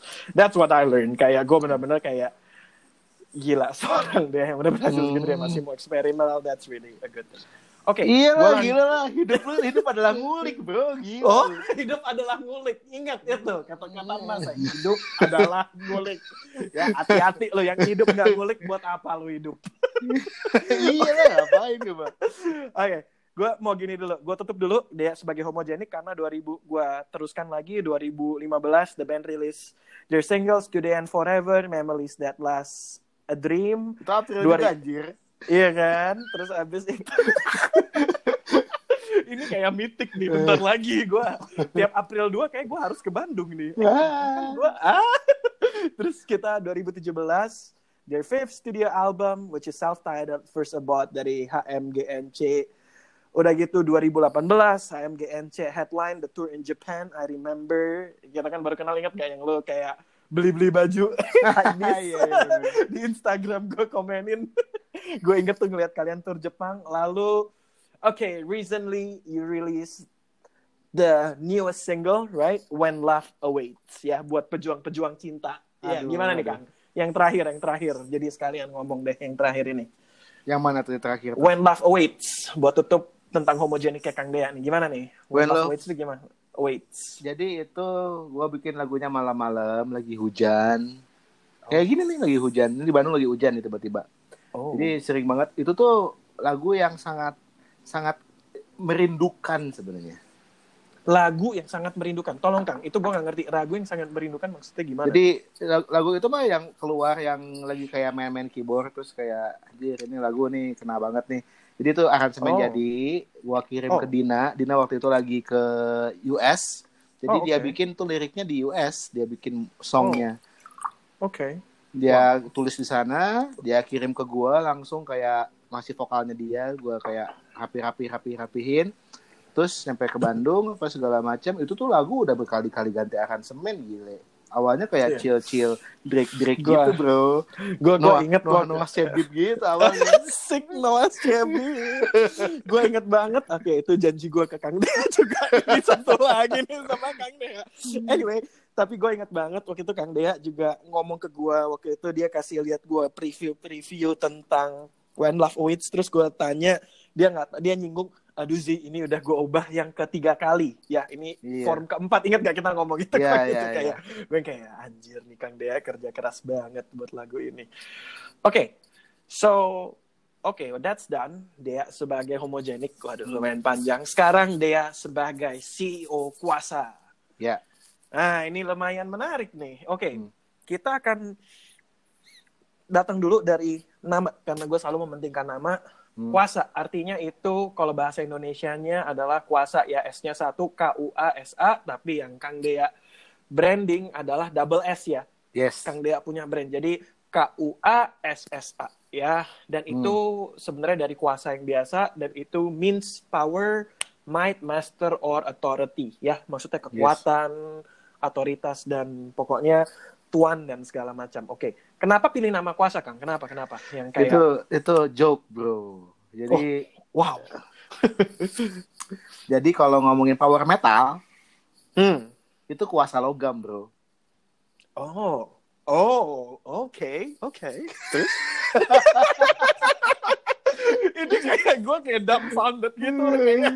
Yoi, gak ada Oke. aneh-aneh. Terus ya kayak kedengarannya enak aja kalau dibule-bulein. Terus kayak pas kita cari domainnya, oh kosong nih kuasa. Ada sih kayak Oke. website Malaysia gitu, tapi kayaknya kita tambahin S2, jadinya ya ada kuasa.com gitu aja. Sesimpel itu. Itu geblek tapi kayak, wow gitu. Jadi kan kita kan dulu selalu kayak cari-cari nama tuh selalu ribet kan. Selalu pusing, selalu apa segala macam. Jadi kita punya semacam kayak eh prinsip gitu ya. Kalau ini dua Hmm. minggu masih kedengarannya keren, berarti itu kita ambil. Oh, kedengarannya keren abis dua minggu, Kang. Ya, setelah dua minggu ini kalau kadang post kita, oh ini aja, ini aja, terus yang setelah dua minggu lagi anjing lem eh gitu. Oh. itu coba masih- nanti, coba gue tanya gitu kan kali eh, kayak, eh kenapa namanya Tuku gitu kan? ya. Namanya Kuasa, namanya. Oke oke. Ya. That's- Oke oke oke oke. Paham paham paham. Ngerti ngerti ngerti. Nah, tapi Oke, itu now- punya makna kan, yang penting. Right, right, right. That's the most important thing. So it's fun, it's serius santai. Kalau gue sama Kang Dea ngomongnya ya pembuat serius santai. Okay, the name reflect our belief to understanding both creative process and critical thoughts and mastery of diverse range of fields.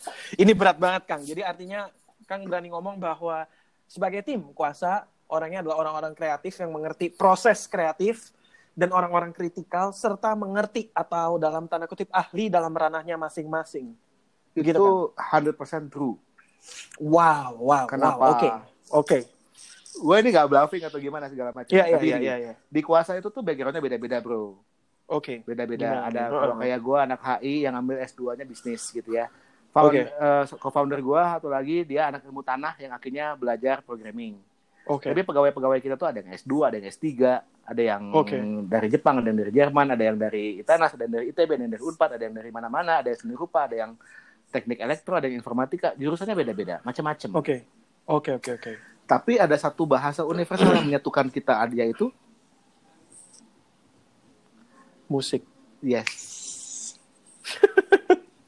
Gila. Gitu, bro. Enggak, enggak, enggak, enggak. Tapi itu enggak cukup kan gini. Gimana seorang Dea bisa menyatukan dengan musik orang-orang dari ranah yang berbeda-beda bisa nyatu? Oke, Kang. Tolong jelaskan itu. Karena kayak oke, gua asik ini. Aduh, gue malu Hmm. sebut merek. Gue pengen banget sebut merek. Kayak gue jago FNB aja gue gak bisa menyatukan, Kang. Nah, gimana Kang? Gimana nih? Kang ini kayak ngerti nggak maksudnya? Itu udah Hmm. man like they're from different education system. Come on like you said there is ada yang dua ada yang S3 kadang-kadang orang yang S3 akan melihat uh, bisnis ataupun melihat ranah tuh berbeda dengan orang S1 dan dengan apalagi dengan culturally yang different. Maksudnya Hmm. Germany Indonesia Japan you said uh, that's that's crazy. Like you know how how lu bisa menyatukan? Aku tahu bahwa musik itu adalah denominasi yang menyamakan tapi gimana seorang leader dengan satu denominasi itu bisa mengikat semuanya gitu karena pada akhirnya value, value yang menjadi patokan buat kita, kan ini kan lu bayangin ya, itu tuh beda beda kampus aja atau beda jurusan aja, itu tuh cara berpikir orang udah beda. betul ada yang metodologis banget, ada yang pakai Iya. sense banget, ada yang pakai gut feeling banget, ada yang macam-macam macam-macam. Jadi pada Iya. akhirnya itu balik lagi ke taste, bro. Karena Hmm. kalau lu pakai pakem, pakai metode, kadang-kadang ya ada banyak orang yang sangat teo- teoritis itu ya, eh, itu tuh gak akan bagus hasilnya kadang-kadang. Dan kadang-kadang kita malah terlalu mengejar yang namanya perfection. CTO gue selalu ngomong gini, CTO dan chairman ya dia sekaligus bos gue juga, si co-founder gue si Ari ini. Dia tuh metodologinya apa aja, pokoknya hajar terus sampai kena gitu. Jadi jangan terlalu berpikir ja- jalur ke mana yang kita masih cari gitu ya. Jangan terlalu berpikir eh, metodologi apa yang kita akan akan coba terapkan, tapi goalnya apa gitu. Kalau kita berpikirnya goal, kita mau pakai metode apa juga, pasti kita kayak nabrak sana. Itu ngulik bro, itu adalah sense ngulik dan, dan eksperimental.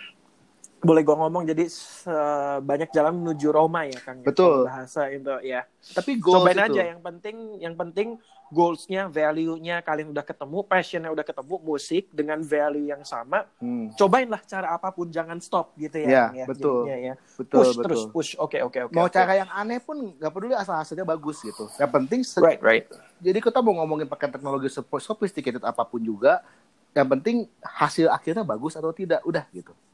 Oke oke oke oke mantap. Oke sekarang gua akan mempertanyakan asik value dari kuasa. Oke, Oke. gua akan bacakan statementnya dan gua akan bertanya. Begini Kang. Aduh, ini menarik nih. We prefer quality over quantity. Ini Nah. maksudnya apa nih Kang? Maksudnya we prefer quality over quantity. Maksudnya gimana nih? Ini kita tahu banget zaman-zaman dulu itu. Itu tuh kadang-kadang itu tuh orang buat justify the price, dia akan masuk-masukin fitur-fitur yang nggak perlu. Tapi itu juga dia memungkinkan karena mereka punya tim besar. Oke. Kuasa oke, itu produk-produk awalnya bro, kerjanya cuma dua orang. Sinting nggak? gila. Dua orang loh mulai. Balik lagi, progress daripada perfection. Yang penting kita cuan dulu, produknya yang kita impi-impikan. Nah, kebetulan kita bawa keluarin produk yang emang udah kita impi-impikan dari 2009. Hmm. Akhirnya kejadian sekarang. Setelah development 4 tahun. Tapi dulu karena kita mentok, mentok, mentok, udah deh jual dulu deh. Kita jual dulu ecer, yang penting kita cuan duluan. Kita keluarin produk-produk yang kualitasnya bagus tapi kecil-kecil daripada kita yang large scale tapi kita nggak cukup kuat untuk melakukan itu gitu. Oke, di dalam dunia percuanan ini ingat jadi takeaway-nya, yaitu yang penting coba eksperimen, jangan terlalu idealistik, tetap hold that value, tapi yang penting cuan dulu, Ya, survive dulu. Ya. Waduh, nggak itu benar. itu itu ini bro, itu tuh sebenarnya gue baru tahu yang namanya Scrum atau Agile Development Method baru sekarang. Hmm. Kalau zaman dulu itu tuh namanya kan kalau bikin software ini agak teknikal nggak apa-apa ya. Nam- Namanya Iya, kan iya. waterfall method namanya kan. Lu bikin itu jadi kayak versi 1, versi 2, versi 3 kayak kayak kayak apa namanya kayak air terjun. Terus satu Hmm. berundak-undak gitu ya. Kalau Hmm. sekarang itu kan enggak, skillnya sekarang itu tuh gini, orang punya constraint dua kan sekarang itu. Skill sama eh, scale sama satu lagi itu budget dan time Hmm. kan. Betul. Jadi betul, gimana caranya betul. kita dengan tiga itu kita bisa keluarin produk yang terbagus, terbaik Hmm. gitu. Kalau kalau seandainya kita mikirinnya masalah dulu kita sesuai spesifikasi gitu ya. Tunggu Kang, tunggu Kang, tunggu Hmm. ya biar gue jelaskan. Jadi sekarang orang tuh menurut Dea memiliki tiga macam constraint. Yang pertama scalability dari apa pun yang mereka kerjakan, entah itu startup program eh, company atau apa pun. Yang kedua adalah investment atau resource-nya mereka dan yang ketiga adalah tadi apa Kang tadi Scale, eh scale, scale, Oh, resource time, sama time bro. time. Time ya. Kalau lu cuma punya orang udah- uang cuma buat tiga bulan gaji gimana? Right, right, right, right. Oke, oke, oke. Right, that's udah take away-nya. Jadi Kang Dea dari situ Kang Dea udah bilang lagi bahwa again dari tiga itu pakai scrum-nya gimana Kang? Jadinya scrum methodnya bukan waterfall-nya. Ya, anggaplah ini mah gua loncat lagi ya di musik. Hmm, hmm, hmm. Zaman sekarang orang itu mungkin kalau zaman dulu bikin album adalah sesuatu yang monumental kan. Rather than that, lu kenapa nggak ngeluarin lu single misalnya? Hmm. Single measure, single measure, single measure. Ada ada namanya iterasi. Itu sama banget di startup. Jadi karena gua ada di dua kaki itu, gue bisa nyamain-nyamain. Oh di musik tuh kayak gini mirip ya dengan di startup gitu. Mungkin mereka nggak mau eksperimental kan, terlalu nggak membumi. Nah masalahnya udah di langit kan gitu. belum tentu juga. karena kalau Oh, di startup ngomongin in terms of Oke. startup semuanya eksperimental bro. Gak ada yang tahu. Oh iya. Gak ada yang Oh tahu. iya, definitely, Sekarang winnersnya adalah. Gojek dan Tokopedia dan Traveloka gitu kan. Dan ingat Iya. nggak zaman Siapa dulu? tahu. Betul Gojek Ah. itu pertama rilis. Eh, zaman dulu mah nggak ada namanya GoFood, GoSend apa segala macam Gojek aja. Tapi Kang, tunggu Kang, sorry Kang, gue loncat Kang. Ini gue rada sikat, mau nyentil nih Kang. Gue mau nyentil gini. Gue taunya tahu winners di startup kayak kesehatan Indonesia gue tahu kan. Kayak siapa? Oke. Telesiji kayak. Yo betul. gue juga Gue yakin. kayak. Telesiji nih. Kayaknya gue ada feeling Telesiji nih yang bakal menang. Oke, kita lompat balik lagi. Tadi Kang bilang nih kan nggak tahu siapa yang menang. Just itu tadi em, kita udah ke prefer quality. Pokoknya yang penting survive, yang penting cuan.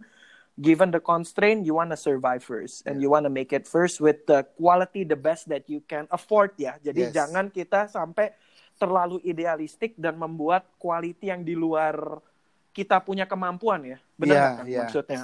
Iya kan? Nah, terus oke, value-nya kedua Kang adalah we focus our attention where we think it matter the most. Tone. Kenapa Yes. tone paling penting di musik nih? Kenapa nggak musisinya? Kenapa nggak alatnya? Apa? Kenapa nih Kang? Oh enggak, maksudnya gini. eh, Eh, gimana nih? Ini yang kita gimana tahu nih, dari kalangan anak-anak indie. Anak-anak Oke. indie mah nggak peduli ya gini ya. Jadi mereka nggak peduli apa eh, efek-efeknya. Yang penting tone-nya bagus beres. Hah. Lu efek bisa pakai yang lain. Nggak masalah. Oke, oke. Pada masa itu karena Oh. kita belum bikin yang namanya efek. Kita belum bikin yang namanya bumbu-bumbu. Kita cuma bikin namanya Oh. raw material hanya dagingnya saja atau hanya kopinya. Oh, oke oke oke oke oke Gitu. oke oke. Wow, oke. Terus yang ketiga Kang, gue mau nanya lagi, we try to make everything as intuitive and Nah, streamlined as possible. betul. We want you to be able to forget the user manual and get straight to the plane. Ini kayaknya value-nya Kang Dea banget. Gue Yes. pengen lu ngulik Yes. tanpa lu tahu, maksudnya yang penting lu Yes. tahu ini caranya gimana. Gue pengen lu buat salah, gue pengen lu nyoba. Yang penting lu kotorin tangan lu, lu coba deh Ya. bereksperimen. Nah itu Yes. maksudnya tunggu sebelum kita masuk itu intuitive and streamline. Maksudnya gimana Kang? Coba jelaskan dua kata ini. Kita tuh tahu banget. Kita kan semua kan selain kita bikin kuasa kita ngeband kan. Hmm. Bro, kita cuma punya waktu kayak cuma tiga jam buat bikin musik atau dua jam gitu ya pulang kantor gitu. Terus kalau misalnya lu punya technical difficulties gitu ya, kadang-kadang gue paling sebel nih kalau ada dapet software gitu ya yang kayak anjir gue mesti baca dulu buku manual gitu. itu tuh namanya inspirasi langsung hilang bro kalau lu dapet masalah teknis. Oh, lu dap- oke, bayangin aja oke. lu dapet software musik tapi bentuknya kayak Hah. Photoshop. atau Microsoft Word dengan banyak kayak men- men- menu dan segala macam itu pusing bro. Kayak cuma- orang start startup disuruh Excel ya. ya, ya seperti itulah kan kalau kayak apa namanya kalau lu mau main musik ya lu nyalain kalau kalau di musik gitu ya kita tahu banget karena kan kalau kita Hmm. ny- ya, anggaplah gue main gitar nih gue coba gue main main gitar ya gue tinggal colokin gitar gue ke ampli nyalain amplinya udah kan nggak usah kayak mesti aduh ini Right. gimana ya kayak mau input aja gue bingung gitu kayak anjir itu itu tuh salah satu constraint yang kita dapatkan di musisi-musisi yang coba hijrah ke teknologi gitu. Oke. Paham, paham. Makanya Kang buat kayak gini ya value. Terus yang terakhir, oh ini enggak lah. Kalau alternatif low price tag, oke Hmm. kita ini kita skip dulu. Using guitar, eco-friendly ini oke. Oke, kita udah ngomong Kang Dea sebagai kuasa, Kang Dea sebagai homogenik. Lalu sekarang kita akan memasuk Kang Dea sebagai Ya, ya, Dea. ya, ya. Waduh, oke. Kita mau yang menarik dulu, em, gini deh. Mungkin gua kulik gini. Apa makna Roland MC 303 Groovebox dan akses virus sih? Indigo C? Dan siapa yang membelikan Ah. dan gimana ceritanya? Aduh. ya, Percaya gua, Kang ya pertanyaannya. kan gue bilang. gua gak enak sih gue ini kelihatan banget gue gua. privilege sih itu. Iya. No, no, no, no, no, like let them know. Maksudnya aku tuh maaf ya, aku bukan coba gimana Kang, tapi maksudnya aku pengen memperlihatkan mereka, lihat how privileged you are, yet you're so humble and you're willing to go down and experiment and you're Ya. willing to ngerti nggak memberikan hak-hak lu tuh apa yang lu dapet tuh ke orang gitu. Karena ada orang kan yang gini Kang, maksudnya mereka tuh privilege. I'm not saying they're not privileged. And ketika mereka mendapatkan ilmu itu, mereka nggak coba mendidik Oke. ekosistem mereka. Hmm. Mereka keep that knowledge sendiri. Mereka malah gunakan that differential of knowledge to Yes. monetize. Ngerti nggak Kang? Tapi Kang Dea itu justru dengan privilege gue bisa internet, gue bisa ke forum sebelum orang bisa ke forum, gue bisa Roland MC303 Groovebox dan akses akses virus Indigo C itu malah Kang Dea tuh dari situ bukan malah kayak menjauh membuat sendiri lone wolf, malah gua Kang Dea coba membuat komunitas, Oh, mengajak oke. orang dan itu yang pengen gua coba telaah gitu kan. Malah lihat nih, seorang yang privilege dengan competitive advantage tapi he's willing to go down. Aduh. Ini gimana Kang? Coba coba. Oke, kita Itu alat, pertama gue anjir. seru banget, seru banget. Seru ya interviewnya mantep. ini. Bisa ada Roland MC 303 Groovebox Mantep, dan mantep. akses virus Indigo C. Harus Mantep, ini mantep. disebut, Itu, gue harus sebut uh, ini. Ini gimana virus C masih ada di gua sampai sekarang. Gak akan pernah gua jual. Dan satu lagi kalau kalian MC udah gua Oke. jual dari zaman kapan tahun terus kayak untung aja gua jual karena sekarang udah banyak yang lebih bagus. Mau kalau virus enggak? Oke, It- itu kenapa uh, how how is it the sentiment? Itu yang beliin Siapa yang beliin itu gimana, Kang? Oke. Tentunya. Oke. Oke. Kenapa bokap maksudnya how bokap knows that too or or he just pick kayak bokap ambil gua aja. tuh sangat-sangat gini. Gimana tuh, Kang? eh dia itu selalu meng- jadi gini ini makanya gue bilang hidup adalah ngulik ya bokap gue tuh dari dulu selalu facilitate gue untuk ngulik Hmm. apa pun karena ya dia basicnya dia ya ngulik dan kalau bokap gue tuh dia tuh orang yang dari bawah banget jadi dia orang yang tidak punya privilege untuk bisa ngulik macam-macam jadi dia pengen anaknya itu jago ngulik makanya gue main. Gundam main Tamiya segala sesuatu Oh. yang dirakit-rakit tuh gue suka banget yang kayak figuring figuring out things gitu ya gimana caranya untuk menggunakan ini segala macam Right, right, right. karena dia percaya gue bisa gitu Oke. Oh wow, oke oke oke. Oke. Nah, Hmm. karena lu ngomong ayah, gua akan lompat. Ini nggak sesuai dengan struktur, Hmm. tapi kan gua lompat karena ini kan menarik banget. Hmm. Ayah Handa dari Dea adalah seorang dari Anjir, Garut tahu lulusan lagi. TB tahun 1980. ya, yang menikah dengan ibu dan memiliki tiga orang anak. Nah, ini gua bilang, apakah ini coincidence? Pertanyaan saya.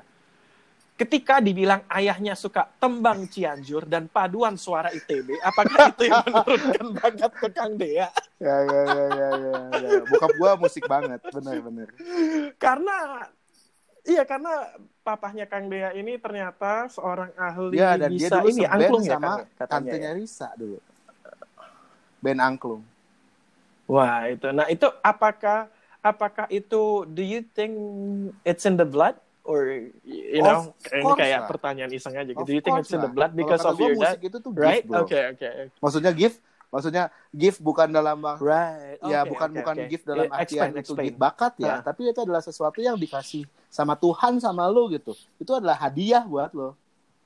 Dan lu mesti mesti gunakan hadiah itu sebaik-baiknya Oke, kan. oke. Right, right, right. Oke. Oke, oke, oke. Oke. Sekarang ke pertanyaan pribadi lagi buat endorsement. Terus gimana lu bisa di-endorse ya sama Behringer flagship synthesizer Deep Mind 12. Tapi seriously ya, gue itu gak, gue tuh gue tuh bro, gue tuh musisi atau didak ya, dan gue tuh nggak jagoan. Cuma mungkin karena gue biasa ngajar kali ya, dan mungkin karena gue juga punya ya pengetahuan teknis yang cukup lah. Disuruh nyobain, terus dikasih, terus di, dibayar, disuruh promoin aja. Dan emang kebetulan tuh synth yang gue pengen banget.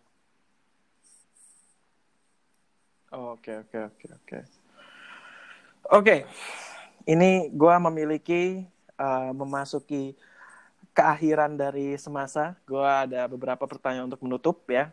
Dan masih agak berat dan akan mengagetkan Kang gua. Ini salah satu pertanyaan yang akan cukup mengagetkan ya. Jadi begini, banyak daripada startup people or when I when I talk in campuses, jadi ketika gua ke kampus dan gua berbicara, banyak sekali pertanyaan anak-anak muda ketika mereka bertanya kepada gue pertanyaan mereka gini kak kalau gue nggak punya uang kalau gue nggak seuntung lu pada gue nggak ada competitive advantage apa-apa gue dari keluarga biasa gimana gue tuh bisa kayak lu orang Hmm. jadi kebanyakan yang dilihat ya maaf ya waktu itu aku sama tuku kopi yaitu Mas Tio lagi diundang ke salah satu universitas dan kayaknya kayak gua sama Mas Yes. Tio dianggap kayak privilege ngerti nggak jadi kayak karena jadi maksudnya kayaknya tuh kalau orang yang berhasil dalam startup tuh pasti ada Hmm. privilege yang nggak bisa dari nol gitu nah itu eh gua maksudnya kayaknya kalau startup tuh perlu uang banyak gitu kalau berhasil tuh perlu pendidikan yang wah yang kaya maupun eh, network yang bagus dan eh, Ya. cuan yang kenceng gitu Kang maksudnya itu kan yang ada nih sekarang ya nah lalu gua mau Kang menjawab pertanyaan Hmm. itu dan gua akan memberikan cerita tahun 1998 Twice, ya. ada band yang namanya Disconnect Lalu band itu ingin buka studio di Suka Senang 5 Bandung. Ya ya ya. ya. Nama pemain band itu ternyata mereka sudah Ah. berteman dari SMA N20. Satu orang bernama Ari dan satu Ya. orang bernama Dea. Oke Ah. kan, silakan dijawab. Tapi ya. kan jadi kan jadi mereka jadi ini ini eh, buat pendengar yang nggak tahu jadi Kang Dea itu mereka punya band yaitu Ari dan Dea memiliki band namanya Disconnect tahun 1998 dan mereka berdua sebelum mereka buka kuasa dan lain-lain mereka itu membuat studio dulu dan mereka membuat studio gilanya ini Hmm, memakai uang mereka sendiri Jadi gue Oke, sama Ari Kang itu teman dari SMA emang. Jadi si Ari itu tuh emang Ari itu CTO gue dan sekaligus chairman gue. Dia adalah kuasa 00. Gue kuasa 01, dia kuasa 00. Dia apa namanya eh, Oke. tanpa dia nggak ada kuasa. Karena dia itu adalah blood dari kuasa, DNA dari kuasa. Kalau kata gue ya, sebagai seorang foundernya. Eh, Oke. jadi si Ari, jadi kita tuh dulu Hmm. waktu eh sempat gue bikin studio latihan band dulu karena bokap gue lihat gue suka latihan band apa segala macam Hmm. bikin sudah latihan band tapi nggak jalan akhirnya itu jadi studio Hmm. rekaman nah studio Hmm. rekaman itulah awal mula kuasa karena kita nggak punya Hmm. cukup uang untuk membuat eh, studio rekaman yang proper Hmm. studio rekaman yang proper itu mahal banget bro bisa Hmm. miliaran kita cuma punya 50 juta yes. Akhirnya 50 jutanya kita pakai buat modal Right. bikin kuasa karena kita berpikir dulu wah lu gila peng- pengadaan software buat studio aja tuh bisa ratusan juta ya gila. Gimana kalau kita bikin softwarenya aja? Dan dan kita pikir kita bisa dapat cuan gampang gitu ya. Kita enggak itu berat berat banget. Awal-awal kuasa tuh gila berat banget. Tapi gue bersyukur gue sekarang. Hmm. Yo yo gini ini berat nih ceritanya boys. ini kayak kenangan nih, kenangan ada feelsnya nih. Tapi gila banget. Itu yang gue bilang maksudnya gini. Ini sekali lagi pembuktian dari Kang Dea itu. Jadi Dea itu nggak cuma ngomong doang. Dia bilang progress over perfection. He says again, try to experiment, try to do. And again, dia buktikan berkali-kali dari tahun 98 bahkan buat studio, bahkan band, di mana dari idealis dia, dia merendahkan hati dia dan mencoba ke ranah lain, bahkan menyadari bahwa resource-nya itu tidak mampu dan dia tidak mau menyusuhkan orang, tapi dia mau berjalan tetap uh, menuju apa yang dia passionate dan dia mencoba. Tapi justru Ya. itu yang membuahkan berkat ya. Sekarang gue jadi ngerti ketika Dea bilang tuh eh, apa ketertarikan atau ketika menguliknya itu, ketika mengulik passion itu adalah mataharinya, bukan passionnya itu sendiri. Jadi ketika mengulik justru Kang Dia tuh banyak banget ya mengulik ke passion musik lewat atau passion studio, terus Kang Dia lagi Hmm. ngulik-ngulik jadi kuasa. Bener ya Kang ya gitu, ngulik-ngulik eh, apa namanya musik ke ranah baru ikutin Iya. orang, eh malah menang award. Gitu ya Kang, itu gila banget sih. That's true. Oke, lalu setelah itu Kang gini, take away dari launching program. Ceritanya 2010 Kuasa meluncurkan software perdamanya Hmm. yaitu Amplification One. Asik. software itu menghasilkan suara gitar yang tak fanatik pada suatu genre musik saja. Mas Ari pernah bilang katanya produknya dijual dengan bandrol yaitu Ya. 49 atau sekitar 50 dolar ya. Kayaknya ya. Tapi itu katanya nggak terlalu bagus dan 2010 juga pada akhir season itu, season akhir 2010, season 2, Kang Dea meluarkan yaitu amplification cream. Waduh, ya, yang laku keras dengan harga Ya. lebih murah. Ya.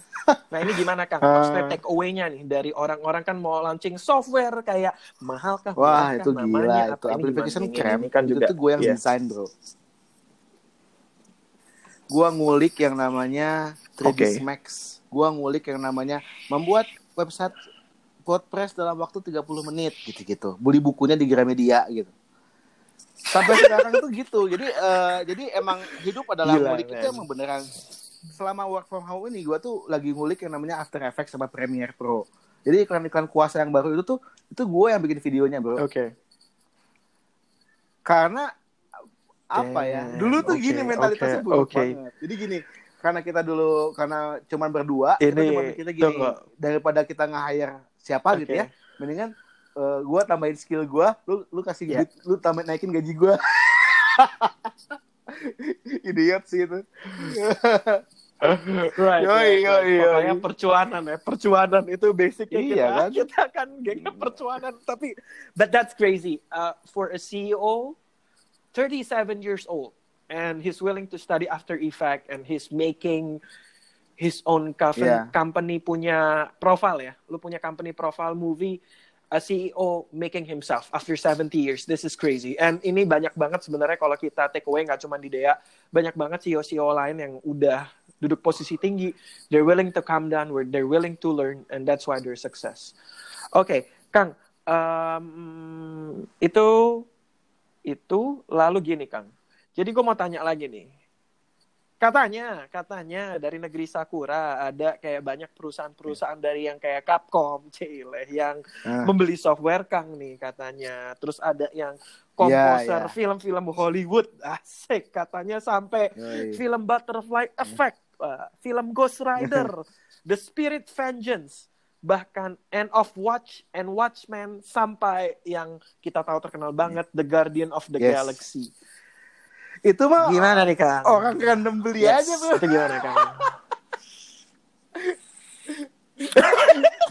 ini ini luar biasa ini kayak- random nih. kayak ini ini ada yang Ini- beli nih ngeborong jadi yang si komposer buat musim film-film Hollywood itu ya Assassin's Creed itu juga bikin buat game segala macem jadi dia itu tuh ada orang ngeborong nih. Beli semua produk kita bayangin coba.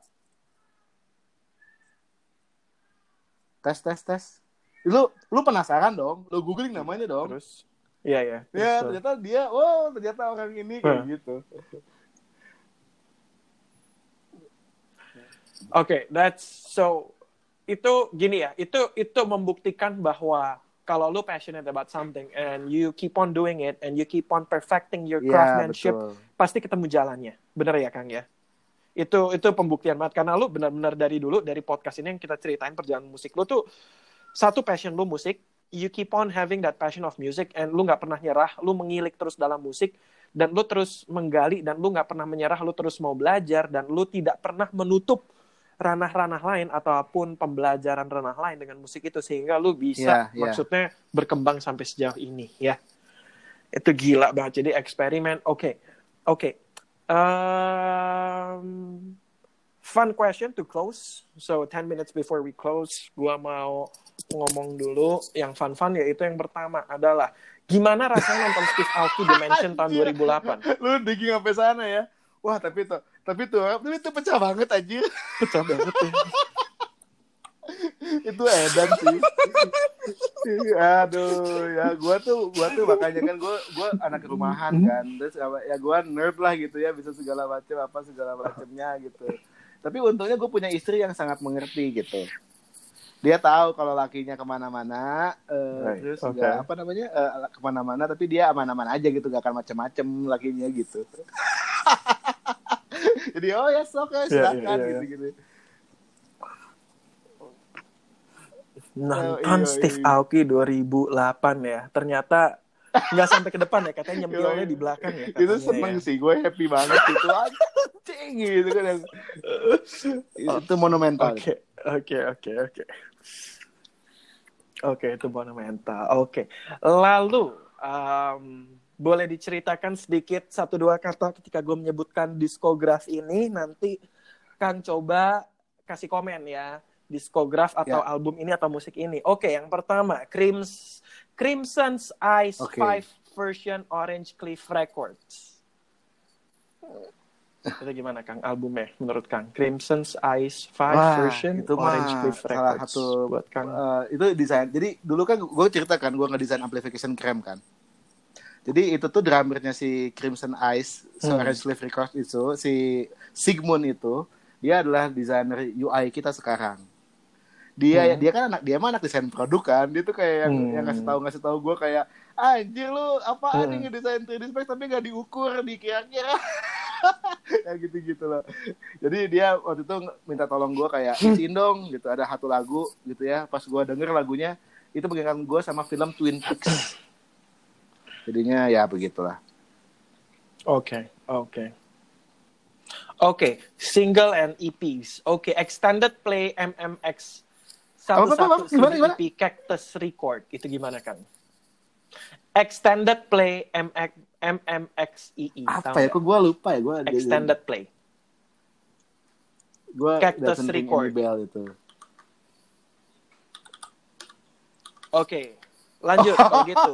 The Iya, iya, Long iya, The Haul. itu lagunya si Sigmund Hmm. Oke, lalu coba Maria anjir Takeuchi Plastic Love. lu digging sampai sana ya itu eh itu mah kayak random gua dengerin aja gua lagi suka-suka biasa lagu-lagu lagu-lagu city pop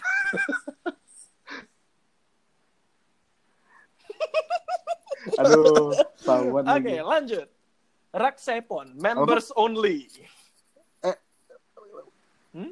R- Members Raksepon, members only.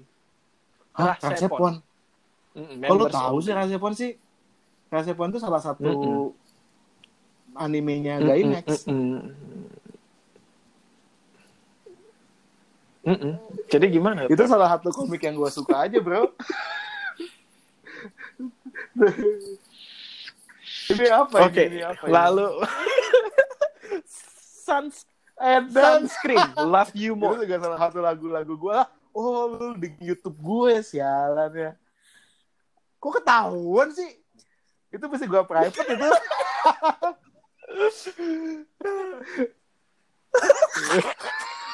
Habis interview ini, maaf guys, kalian udah gak bisa dik dia lagi.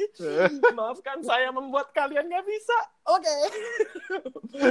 Lalu, orang-orang ini, ya, bagaimana orang-orang ini mempengaruhi Kang Dea secara personal growth, dan Ya, ya, personal ya. growth-nya gimana? Aku mau tahu ya. Jadi Kang coba sebutkan. Wih. Ray Wah, Kurzweil. itu sekarang dia ada chief innovationnya dari Google, bro. Itu orang gila. Itu orang gila. Oke. Jadi kenapa dia ya kenapa dan bagaimana dia menginspirasi Wah, Kang Jadi si Ray? Kurzweil itu ya, gue tahu karena merek Kurzweil piano tahu kan, dan peralatan audio segala macem. Terus kayak makin ke sini ke sini Hmm. ke sininya tuh dia makin kayak edan nih orang. Dia ngomongnya salah satunya tuh gue sempet heboh banget masalah singularity, masalah machine learning, masalah AI dulu. Dia udah memprediksi masalah singularity itu bro. Dan dia itu dan gue jadi ngulik ke sana gara-gara gue nonton film Interstellar waktu itu ngomongnya fourth dimension. Ah jadi ya gitulah. Oke. Lalu seorang istri. Ya. Seorang Cie, istri. buat Kang. Jadi istri gimana itu pentingnya? adalah orang yang jadi gini kan karena Hmm. untungnya ya eh, Tunggu. Oke, oke, oke, oke. kenalin temen. Tunggu, boleh tahu nggak Kenalin temen. Ketemunya di mana? Biar kita kisah-kisah gitu kan. Wah umur Dikenalin berapa ya gue? teman. Gue sebelum Oke, masuk umur berapa nah, jadi dia yang mengena, yang bikin gue masuk homogenik itu dia. Oh, wow. Oke, oke. Now, oke. Wah, gimana pentingnya nih? Oke, seorang istri, seorang Jadi, jadi gue selalu Dalam punya pertemuan personal growth ya, ya, partner Seorang hidup, dia nih. partner bisnis atau apa-apa segala macam. Karena gue tuh orangnya cenderung santuy, cenderung seniman, asik sendiri segala macam. Jadi Mm-mm. eh, partner-partner gue ini yang memberikan kepada gue clear goals and directions, helicopter view untuk menganalisa keadaan gitu, ya, situational analysis gitu ya, dan memberikan gue kayak, ya nah, inilah sikatlah, hajarlah, ah hal-hal kayak gitu. Jadi gue tuh orangnya ya itu, itu penting karena Oh, kalau oke, gue itu suka pentingnya. sama tipe-tipe orang yang menghayo-hayo gue, termasuk partner gue ngeband ya si Dina ya, gitu. Oke, oke, oke, oke. Oke. Oke, lalu orang tua. Wah. Bagaimana peran kedua orang tua, ayahanda dan ibu? Orang tua itu Dalam adalah Kang sumber bisa segala macamnya. Kita datang dari mereka, bro. Kita datang dari mereka, mereka yang memberikan Hmm, hmm. idealistic views buat kita. Kita melihat wisdom-wisdomnya, kita melihat hal-hal yang menyebalkan gitu ya. Tapi kok orang tua kita bisa menerima itu, kok orang tua kita Hmm. bisa wise gitu ya. Nah kita belajar Hmm. dari mereka wisdom dan tentunya kasih sayang ya, kasih sayang Hmm. ke kita apa segala macam. Yang membuat gue jadi orang yang sangat percaya diri gitu ya. Ya karena orang tua gue dipikir-pikir dari dulu karena gue cucu pertama gitu ya. Hmm. Tapi tentulah kalau sama bokap kan pasti ya kayak ada yang biasa lah. Kayak gue nggak mau mirip sama lu kayak gitu-gitulah. Jadi sebenarnya balik lagi mengenai privilege ya. Right, right. Privilege itu sebenarnya nothing bro. Kalau apa namanya lu Right, right. cuma mengandalkan bokap itu nothing kalau seandainya lu nggak Hmm. punya pet sendiri kalau gua lihat ya. Yes. Oke oke oke. So create your own path. Oke. Um, lalu tunggu orang tua. Jadi gue bisa bilang bahwa orang tua Kang Yes. Dea Ya, sangat supportive. Meskipun ada Tepat. kekurangannya, kita tahu semua orang nggak sempurna, but they try Yes. their best to create path Yes. for you so that you can create your Exactly. own path ya di dalam kehidupan. Itu gila banget. Oke. Oke. Pertanyaan abstrak. Pertanyaan abstrak. Kalau gue selalu akan dihubungkan Yes, dengan yes, sesuatu yes. yang abstrak, yang selalu kritik cile kan itu ini. Jadi gue akan ngomong. Kang Dea, coba Hmm. komentar terhadap pernyataan ini. It's all about time and eternal life. jadi begini, kenapa kenapa gue selalu berkarya ya? Hmm. Kan karena kalau macan meninggalkan belang gitu ya, Hmm. gajah meninggalkan tulang. Kalau manusia apa gitu. Jadi gue tuh pengen punya track record yang bagus di Google. Di di dunia maya gitu ya. Hmm. Jadi kon- eh, apa namanya eh, dunia akan mengenang seorang Gerahadiah Kusuf berdasarkan track recordnya di dunia maya lah kayak gitu kira-kira. Mudah-mudahan gak kelihatan itu track record gue di website-website yang aneh-aneh. Mudah-mudahan tapi ya begitu kira-kira. Jadi bagi gue lu akan eternal kalau di saat lu udah masuk ke Google gitu atau masuk ke Hmm. internet gitu ya ada di cloud server something lah. Hmm. Which is kalau itu masuk lagi ke Hmm. konsep gue Right. mengenai ruh gitu. Ya, nanti lah. Hmm. Mungkin itu buat nextnya kita kali. Kalau listener lagi pada mau listen. Oke. So, gue mau recap dulu sebelum kita akhiri semuanya. Two more questions. So, I wanna close with this one first that jadi pelajaran paling besar dari Kang Dea adalah uh, you have competitive advantage. Yeah. Kita semua akan dilahirkan memiliki competitive Yeah. advantage or nggak ada competitive advantage. But use well, gunakan kartu itu dengan baik, whatever competitive advantage, whatever kekurangan, Yes. kelebihan, kalian selalu bisa belajar sesuatu dari situ dan gunakan itu sebaik mungkin Yes. untuk create a path for your life, ya, untuk membuat jalur hidup lu sendiri dan jangan ikut-ikut orang. Lalu gini, maksudnya jangan jangan ikut orang bukan gini. Jadi jangan takut juga kata Kang Dea tadi untuk menemukan passion lu melalui atau menemukan originalitas lu melalui cara copycat ya. Tadi Kang Dea bilang ya. Jadi jangan takut untuk to follow people Yes. craftsmanship, to experiment people craftsmanship in order for Ya. you to find your own roots and originality ya.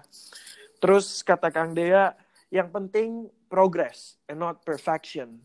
Jadi jangan takut untuk terus mencoba meskipun itu banyak Sorry uh, bro, tadi tadi feedback bini nelfon. negatifnya mungkin Ada pada saat itu 10 atau detikan. banyak kayak Originality dari, dari originality oh, udah gitu. oh, oh, oke. Oh, it's okay, it's okay, it's okay. Oh, yang nggak dari originality, gue bilang katanya jangan takut untuk gue bilang ke Kang Dea jangan takut buat um, yaitu untuk progres meskipun progresnya itu tadi Kang Dea Yes. kan kalau dengar dari cerita Kang Dea Kang Dea pilih progres daripada perfection meskipun progresnya Hmm. itu akan banyak feedback negatif atau hasil Ya. negatifnya tapi tetap tetap progres ya Kang ya jangan takut jangan takut coba dan meskipun kayaknya waduh ini nggak sesuai idealistik tapi do whatever Yes. you can to Yes. survive with that entity ya dengan passion lu ya istilahnya ya oke that's a good uh, things jangan lupa berkolaborasi jangan lupa find the right people ya kan and ecosystem and build Hmm. your ecosystem. And it's all about timing kata Dea it's all about timing for Dea Dea is team timing not team hustle. So he's about timing guys not hustle katanya oke kita di situ. Lalu gini kita udah belajar itu semua udah gua rekap. Dan sekarang Kang lu ada matahari baru nggak Kang apalagi menurut lu sekarang lagi senja nih dalam covid kayak gini kayaknya senja apa menurut Jadi lu ada kan- matahari baru apa jadi gimana nih Kang kebetulan gue juga dalam adalah ketua startup ini? Bandung.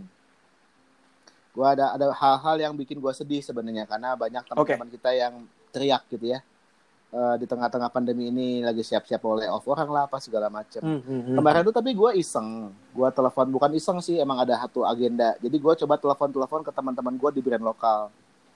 Adalah anak-anak maternal disaster lah, ada anak ada yang kerja di Hmm. Bags, ada yang kerja di PMP segala macam gitu ya. Oh ya, ya. ternyata ada teman-teman kita yang kayak ah nggak Hmm, apa-apa bro. gue malah naik penjualan. Kayak gitu. Di tengah zongness ini gitu ya. Zongness itu apa istilahnya Hmm. even the word gitu oke oke oke oke oke. Ya ya ya ya nggak masalah gue gue apa nanya-nanya emang gimana sih strategi pasar lo segala macam oh gue offline banget kayak gue gue gue gue gak ngikutin cara-cara Hmm. brand lokal lain gitu ya yang ngeluarin uang beratus-ratus juta untuk ngiklan di Facebook Ads atau di Google gitu ya. Instead, kenapa gak gue kasih uang itu ke teman-teman kita di band gitu. Jadi gue produserin mereka bikin lagu, gue produserin mereka bikin album gitu ya. Itu kan lebih banyak manfaatnya. Ada kru-nya, ada soundman-nya, ada teknisinya, ada manajer itu segala macam bisa makan dari sana. Personil bandnya ada berapa? Daripada kita kasih duit ke Google atau ke Facebook. Dan ternyata itu menjadi cara kenapa dia sangat lekat ke grassroots, bro Hmm, hmm. itu itu matahari baru buat gue Oh, karena oke, gue oke, jadi. That's sadar bahwa yang tadi uh, build your ecosystem, build your industry. Kalau nggak ada Hmm. industri sendiri, lu nggak ada artinya gitu. Kalau Hmm. gue ngomong, gue pelit membagi-bagi ilmu gue musik elektronik gitu ya, nggak ada scene elektronika nanti ya apa gitu. Jadi gue tunggu. Jadi gini ya Kang, kan matahari ya Kang di dalam industri musik tadi awal-awal dari nol sampai sekarang sejauh ini adalah yang pertama adalah eh, ketika Kang menggali, ketika Kang mengulik, ketika Dea itu Yes. mengulik atau mendalami musik itu sendiri ya, itu yang pertama. Dan sekarang ada matahari baru, yaitu setelah mendalami dunia musik begitu lama, sekarang Dea mulai matahari baru atau reason barunya dia adalah untuk memperjuangkan industri musik ya, Ya, ketika di banyak pandemik, lah, spe- mudah-mudahan. especially di pandemik ini ya. Right, right, right, right. Cool, cool, cool. Oke. Um, lalu untuk menutup, sebelum menutup, pertanyaan terakhir yaitu dari Savior, dari seorang Savior, asik. pertanyaannya berat loh, pertanyaannya berat. Jadi dia berkata, pertanyaan sangat berat. Um, kalau mau dilewatkan, monggo. Dia kasih, dia dia oke. pertanyaan yang gini aja deh. Pertanyaan yang pertama dan standar dari satu Savior adalah dia bilang gini, kapan album barunya? itu standar ya, itu standar ya. Lalu yang kedua ada Savior yang nanya gini, bagaimana pandangan Kang Dea mengenai Backcraft? Karena kita tahu ya insiden yang terbarunya Ya. Backcraft berubah ya, yang terakhir ini ya kita tahu Backcraft berubah dan dia bilang berkata gini, Saviornya berkata gini, oh Dina sudah pernah menjelaskan dan menyentuh hal itu, tapi aku belum pernah dengar Dea berbicara tentang ranah ini. Nah, Hmm. silakan dijawab. Album baru mah on progress. Lalu kita tutup. kita emang ngulik terus bikin lagu terus karena itu bagian dari hidup kita nggak mungkin gua Wes. nggak berkarya aja nggak mungkin gua nggak nggak main-main musik aja mung- ngapain gua Wes. beli alat-alat modular modular Right, right, mahal mahal gitu gua nggak bikin apa-apa oke ya itu jadi album baru Right. tunggu saja kita apa Nah. single baru akan nih sebentar lagi mungkin minggu mungkin Hmm. awal Mei kita keluarin begitu jadi itu juga akan path menuju ke album baru Hmm. selanjutnya terus mengenai backcraft mengenai backcraft itu jadi gini orang-orang backcraft itu yang gua Hmm. kenal sekarang itu adalah orang-orang ex paragraf dan kominfo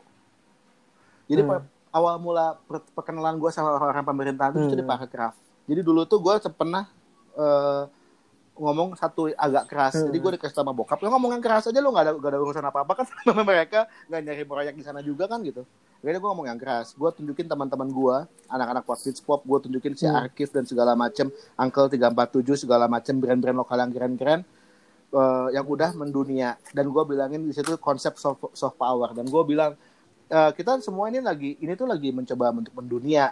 Apakah kalian mau bantu atau tidak? Gue bilang di paragraf kayak gitu. Gue tuh men- menuai kecaman keras dari hadirin yang datang wah ini mah tipe-tipe Hmm. anak indie gini mah nggak ini mah deket-deket sama ideologi pang Hmm. biarkan saja ada yang gitu-gitu tapi si ibu yang ngundang gue waktu itu si direkturnya ngebentak si bapak itu pak itu saya undang ini supaya anda anda semua Hmm. tahu itu tuh gue ngomong di depan perwakilan dari orang-orang Kemenko, Kemen Perekonomian, Perdagangan segala macem. Itu pertama kali dan gue ngomong kayak gue peduli amat, gue gua nggak ada urusan kok sama Hmm. pemerintah gitu ya. Tapi dari situ gue dibawa ke ranah-ranah baru. Gue dibawa pameran sama orang-orang paragraf. Gue dibawa untuk menyusun cetak biru ekonomi digital Hmm. itu. Kalau Dina cetak biru eko- eh, musik kalau nggak salah. Gue akhirnya ketemu sama orang Kominfo. Gue dibawa menang Hmm. Apital itu Asia Pasifik, Asia Pasifik, Asia Awards segala macem. Dan orang-orang itu ternyata masuk Iya, iya. ke Backcraft sekarang. Begitu. Backcraft kemarin ya, sekarang jadi paragraf. Jadi Hmm. itu orang-orang yang sama dan gue ketemu banyak player-player Iya, iya. baru yang membuka Iya, iya, wawasan gue di sana gitu. Gue ketemu orang-orang kayak yang bikin game board. Oh, yang oke, tuh oke. orang gila banget, orang membuat gue sangat Oke. Wah, gila nih orangnya selfless banget. Gue ketemu Arif Agate di sana, sama-sama bikin eko- ekonomi digital. Gue ketemu sama uh, keywords tuh siapa namanya tuh Uh, Randy keywords di sana. Gue ketemu orang-orang yang sangat inspiratif tuh di sana. Ternyata lu bisa ya kayak uh, membantu ekosistem tuh butuh pemerintah. At least mereka mendengarkan apa kata kita. At least mereka tahu nggak clueless. Kalau seandainya orang-orang ada teman-teman gue yang Hmm. anti pemerintah, ah, pemerintah mah gini-gini segala macam. Ya terus kalau lu mau membuat di dunia lu yang ideal, gimana caranya kalau cuma lu buat keep buat diri sendiri dan mengeluh gitu. Ngomong yang keras kalau perlu. Kritik aja mereka Oke, susah-susah oke, amat. oke, kalau oke. paling kenapa-napa lu nggak diundang lagi, udah kan tadi buktinya kalau lu ngomong dengan dengan cara yang baik lu akan didengar gitu. Right, right, right, right, right. Begitu. Oke, oke. Lalu deh, oke. Terakhir buat menutup, Xavier sering nanya gini. Kalau Kang Dea itu, sorry ini jadi tiga pertanyaan. Kalau Kang Dea itu datang ke speaker-speaker, Kang Dea itu atas nama kuasa, atas nama homogenik, apa atas nama diri sendiri sih? Dia nanya nambah gitu, dia nanya. Bandung. Jadi itu apa sih? Apa gimana? Dia tanya gitu. Nah. Gimana Kang? Sekarang bahkan ya gitu. Jadi ada- Atas nama startup Tapi Bandung tetap ya? kalau gua Oke. daily gua sebenarnya Hah. eh, adalah eh, jadi gini, kuasa Hah. sebenarnya. Karena Iya. sehari-harinya gue dapat makan tuh dari kuasa. Oke. Begitu. Sejujurnya ya. Oke, right. Oke, cool, cool, cool. Oke, oke, oke. Oke. Oke. Thank you Mantap bro. ngomong Keren bro. Podcast semasa ini yang tadinya harusnya Lebih kayaknya nih sampai harusnya 90 menit lebih kali. Satu 100 jam, menit kali. dari satu jam nih, udah jam berapa nih? iya, iya makanya. Uh, thank you. This one take only will upload it and it's gonna be awesome. Tunggu Kang. Oke. Jadi Kang ada nggak nih kayak Z coba deh undang bintang tamu selanjutnya di ranah apa gimana ada nggak dari Nah, Kang? gue jadi nyambung nih sama terpikir namanya tuh siapa tahu nanti aku coba bisa.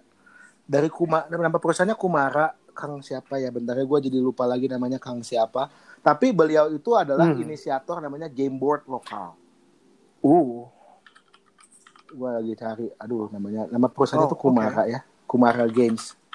Dia itu itu wisdomnya tuh orang Oke. gila.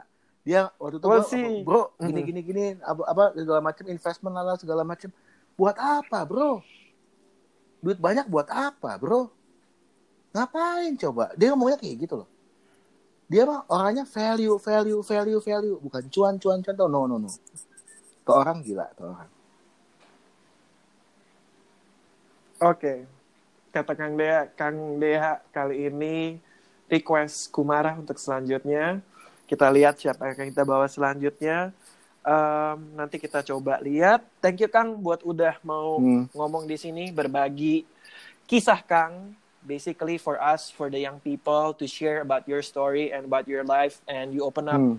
a lot of things and I appreciate saya appreciate because open up things about yourself and opening up things about uh, keluarga bahkan uh, istri anak bahkan value Kang adalah sesuatu yang tidak mudah karena when you open up it's uh, vulnerable jadi Kang bisa di attack tapi thank you because you still believe in giving a good value towards the people that believe maksudnya Kang masih mau terbuka maupun mengajar kepada kami it's valuable and terima kasih buat this wisdom a lot of wisdom I hope this can become a blessing and uh, menjadi apa ya namanya kayak inspirasi, menjadi reason, menjadi uh, Ya. wajah hikmat lah buat generasi selanjutnya yang dengerin podcast ini ya Kang ya. Aduh. Ini tapi Oke, ada pesan apa Kang sebelum saya tutup? Sampai Mungkin pesan dari Kang. ini. Ini gila sih, gue enjoy the whole interview sebenarnya. Jadi please keep keep up, bro. Karena kuncinya adalah mesti keep up. Jangan sampai lu selesai corona lu berhenti anjir. Ini mesti ada terus. Sustain, bro. Oh, oh jadi oh oke, jadi oke oke sustain sustain. Oke. Oke, makasih Kang. That's a good word. And um, nanti jadi kalau berhenti corona karena Kang Dea, ini Kang Dea, Kang Dea udah pesen ya seorang senior udah pesen kepada seorang junior katanya dia kalau habis ini habis minta dilanjutin. Jadi saya harus berpikir apa yang harus dilanjutin ya habis offline ini. Kayaknya harus sama Kang Malam. Dea apa nih? Oke Kang, Sama-sama. thank you Kang buat semuanya. Selamat malam, nuhun. Makasih ya Kang ya udah Yoi. ngomong podcast Sama-sama. jauh-jauh di tengah COVID. Thank you, stay Malam, blessed. bye. Thank you Kang for everything.